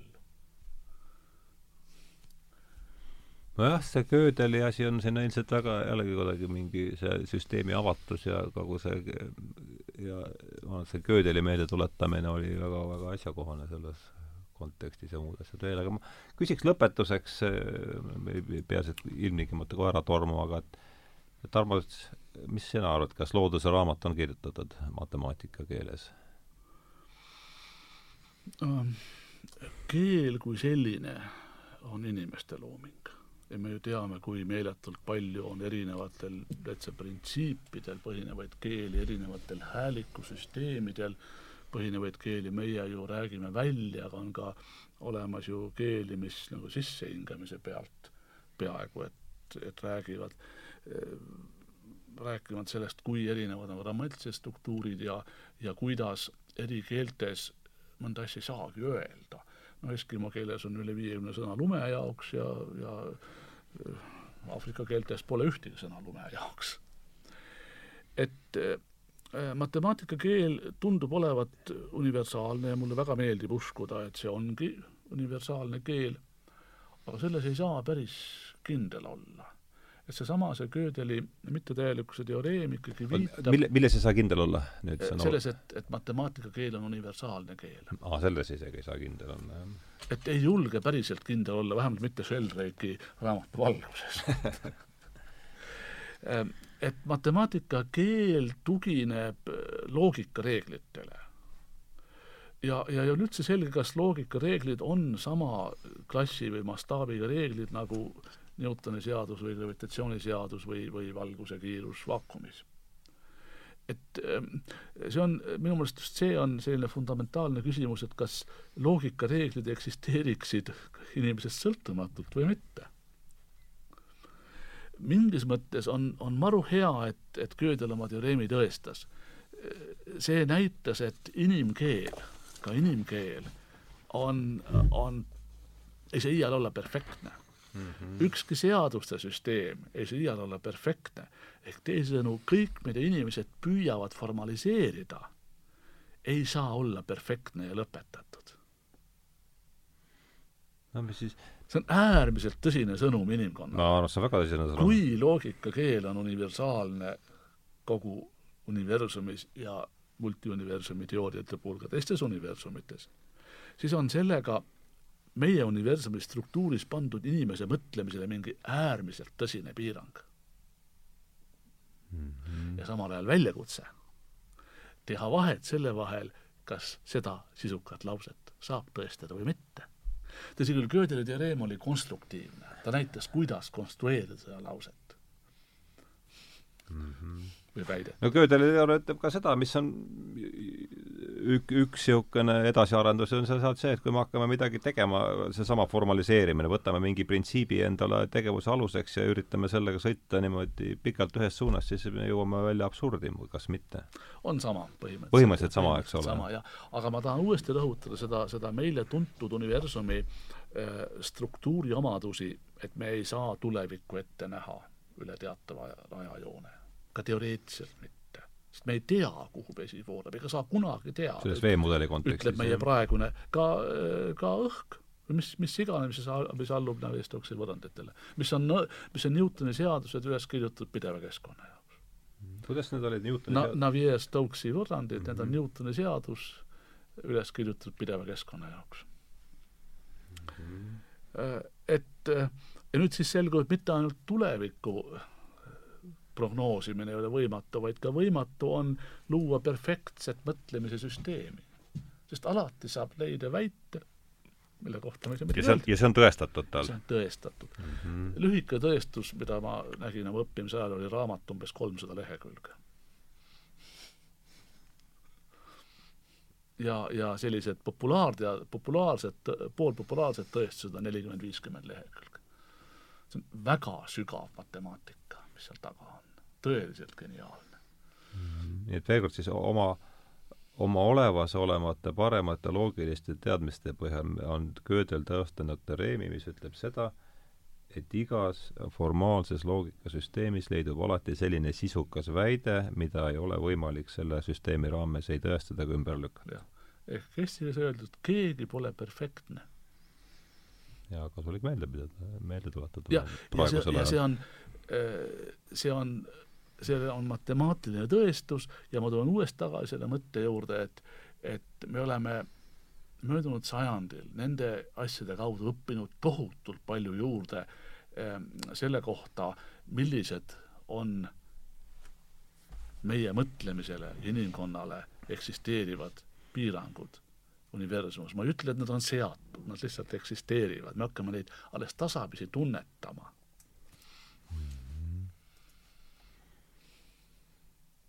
Toomas? kui nüüd hakata lõpet-, lõpetamise peale mõtlema. on kerge põhimõtteliselt sellega eh, nõustuda, et Jumala looming on suurem kui inimese mõistus, mis on üks osa sellest loomingust ja mis eh, on kõigepealt ikkagi meile selleks igapäevaeluks tarbimine, et sellega korda saada ja ehk ka selleks, et mõelda nendele piiridele, millele üldse mõelda saab, mida võiks siis ütelda, et otsida oma hinge õndsust. aga ega noh, seda piiri kogemust, see on arvatavasti inimeseti, kellel kaugemale, kellel lähemale ta ulatub, aga aga vist on ikka hea, kui, kui seda, et ta olemas on, see ja meeles pead, et äh, saad ainult aimamisi, nii nagu Paulus ütleb, et nii nagu vask peeglis praegu näha mm. -hmm. et ka me saame sellega siin elus korda ja ja, ja näed, me suudame isegi mõtelda veel mõeldamatuid asju. nii et äh, on ikka tore, et, et niisugune teadvus ja mõistus olemas on aga küsime siis teistpidi, sama, see on hea, et see metafoor jutustada, kas me teaduses näeme ka, näeme vaskpeegli abil või näeme kuidagi, on meil vaskpeeglil on veel pikk aeg minna. Esialgu näeme ikka veel, veel üsna kehvasti seda, kuidas maailm on ehitatud. Ehm, aga ma nagu teistmoodi, teistpidi ütleksin, et, et see on fantastiline, et juba mitmes radikaalselt erinevas teadusvaldkonnas eh, küll rohkem eh, loodust, loodus- või täppisteadust, me tunnetame neid piire, mis on. et meil, meil on ju ikka nõnda, et me tahaksime alati rohkem teada ja rohkem teada on parem kui vähem teada, on ju nüüd aasta otsa siis mööda Eestimaad niimoodi tiirutanud meem natuke te-, pöörates seda teisipidi, minnes teisele poole peeglit, et et asjad, mida me ei tea, hirmutavad meid. või pigem vastupidi, et meid, meid hirmutavad need asjad, mida me ei tea. ja, ja kui me teame, et, et meie universumi struktuuris on mingid piirid, millest meie ei saa üle minna, aga vesi saab. et see on väga õpetlik. et sa otsiks neid järgmisi piire otsima, et sellest nii-öelda vaskpleegli veel lihvimata küljest ikka üle ja paremini, paremini astuda. Ja äh, teadlaste nii-öelda loosungi või, või mõtlemise kvintessentsi on, on kahe, äh, kahe mõtte kaudu väljendanud Edgar, Edgar Rice Burroughs, kes on niimoodi öelnud, et miski pole võimatu, mida sa kujutleda suudad. aga ei loe, mida sa tead, loeb, mida sa tõestada suudad. ja kaasaja suund teaduses selliste keerukate ja, ja kohati nii-öelda torkivate ja, ja, ja šokeerivate küsimuste osas on muutumas järjest lihtsamaks, et kui veel kümme-viisteist aastat tagasi teadusartiklite retsenseentidel paluti kontrollida, et kas uued tulemused harmoneeruvad olemasolevatega, siis nüüd on mitmed juhtivad ajakirjad läinud teist teed, kontrollitakse, kas tulemused on originaalsed, uued ja kas tõestus on korrektne. see, kas nad sobivad olemasoleva maailmaga, ei puutu enam asjasse mm. -hmm. no see on vaata, seda ma ei tea. see on huvitav, see on tõesti huvitav. Äh, see on järjest arenev mood Ehm, seda rakendas esimesena ajakiri PLOS One, mis on eh, nii-öelda eraalgatus, küll kasumit teeniv, aga praegu üks populaarsemaid ja mõjukamaid ajakirju. kuidas ta nimi oli? See on lühend PLOS, P-L-O-S, ma ei mäleta täpselt, kust ta tuleb, ja One on siis noh, esimene sellest mm. -hmm. teadusajakiri siis? PLOS One, jah. seal, see on jah seda tsiteeritakse palju, ta on, ta on mõjukas ja nemad ainult kontrollivad, kas tõestus on adekvaatne, kas see argument, mis sa ütled, kas see tegelikult ka järeldub su andmetest. kas see, kas see on see natuke seotud selle, mis siin vahepeal, ma ei ole jälle väga kursis selle teemaga, võin mööda panna, kas see mis see replikabili-, replikability problem on siis korratavuse, see korratavuse jah, et korratavuse probleem on, on tõsisem, kui me arvata oskame on see kuidagi seotud, see Blossi tegevus sellega või on see, Äh, paneme nad- kak-, nad- kaks asja meelevaldselt kokku praegu püüavad, püüavad äh, sellest eemale hoida, sellest probleemist mm. mm? -hmm. et korrata see probleem on nagu äärmiselt tõsine ka tipptasemel publitseerimise juures, ka tippajakirjades sotsiaal- ja sotsiaalteaduslikud, sotsiaalteaduslike artiklite puhul korratavus kipub jääma alla viiekümne protsendi. -hmm. aga raske on uskuda, et kõige halvemini korratavad kümme protsenti on korratavuse määr, on vähiuuringud. Tõsi ka või? väga huvitav. ma kuulsin, mina, ma, ma, mina, seda ma kuulsin, et meditsiiniuuringutega on suured probleemid korratavud, korratav, korratavuse, seda, seda ma olen kuulnud Mhm. jah. aga vähiuuringutes vähiuuringutes. aga seal on ju meeletud rahvad. mm. no inimesed tuleb ravida. Aga nagu ütleb teadusfilosoof Murphy, et kõige, rangemalt kontrollitud heli ja rõhu ja, ja temperatuuri ja mis iganes tingimuste puhul käitub organism täpselt nii, nagu see tahab. jah. kus reva. mulle meeldib see, mul on jäänud meelde keemikute Murphy seadus, mis kõlab niimoodi, et kuum katseklaas näeb täpselt samuti välja kui külm katseklaas. täpselt, jah. Et, et eh, püüdes nagu seda kokku võtta, et Sheldrake ajab õiget asja, aga kolmveerand tema, tema argumentidest murrab sisse lahtisest uksest. eestlane ei oleks iial sellist raamatut kirjeldanud, kirjutanud, nii et siin väljendub eh, tegelikult teine kultuuriruum mm. -hmm. kus on äärmiselt oluline oma endast märk maha jätta. See ei ole ainus tema liikuma panev jõud, aga et kui me paneme kultuuri konteksti, et eh, kuidas õpetas Juhan Peegel, et eh, kui sa pead mingit artiklit kirjutama, et kui saad, ära kirjuta. kirjuta alles siis, kui sa ei saa kirjutamata jätta. nojah, aga vot kas seal, ma ei tea, kas sa, Tarmo, oled sellega kursis äh,, kui ta selle, võib-olla see natuke selgitab seda, mul õnnestub võib natuke rohkem selle teemaga, et kui see, ilmus tal see raamat, mille ta, kus ta selle morfilise resonantsi teooria välja käis, siis äh, kirjutas ajakirja Nature toimetaja ja ütles, et see po-, see raamat väärib ärapõletamist ja nendel samadel põhjustel, millega, millega siis Galileo märk äh, mõistis hukka, või tähendab, millega paavst mõis-, mõistis hulka, mõistis hukka Galileo nimelt äh, ketserluse pärast. nii et see võib olla seal noh, ütleme niisugune äh, tegemist on sellise Ketseri, Ketseri niisuguse, ma ei tea, siis kättemaksuga võib-olla, selle, ma, ma vaataks seda raamatut nagu selles, selles kontekstis, mis tingimata ei vastandu sellele, kuidas sina seda näed, aga lihtsalt annab võib-olla ühe teise, teise nurga sellele. see on võib-olla laiem ka filosoofiline, ma sunnin kogu aeg Toomast vait olema, et et kui me natuke pöörame Toomale ei paista selle vastu midagi olevat. pöörame seda ja, ja, ja et nii-öelda projitseerime selle situatsiooni teaduse kui terviku arengust, projitseerime, projitseerime ühe riigi arengu peale.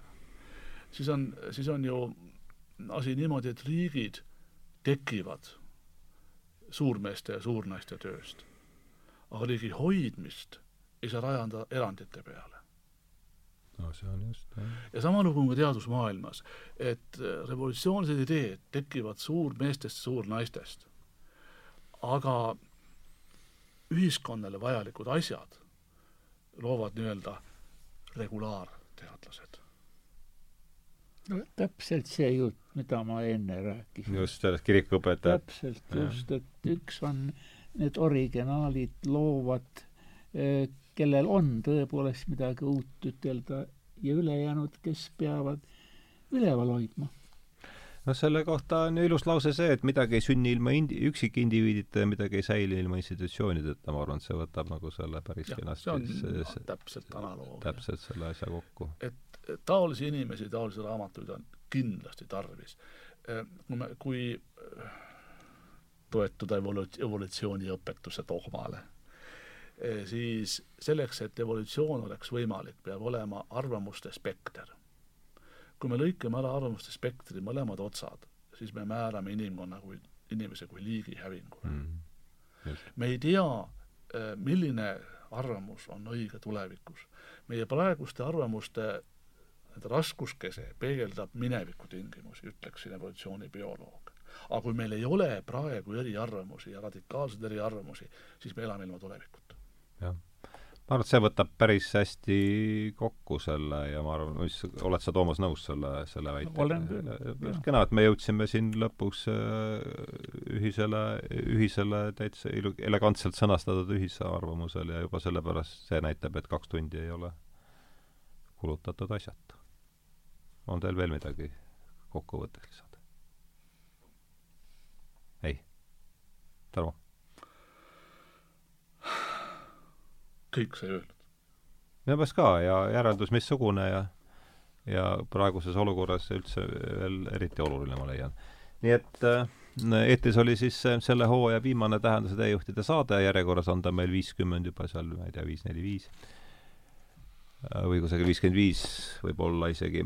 ja no mu külalisteks olid siis Tarmo Soomere ja Toomas Paul, tänan teid tulemast, rääkisime Rupert Sheldrake'i raamatust äh, Dogmadeta teadus ja sealt ütleme niimoodi, et Jutumehe tõukus sealt ja kandus ta igale, igale poole mujale ja loodetavasti minul oli põnev ja hariv, loodetavasti on see kuulajad, kuulajatel samamoodi. head suve ja tänan teid tulemast!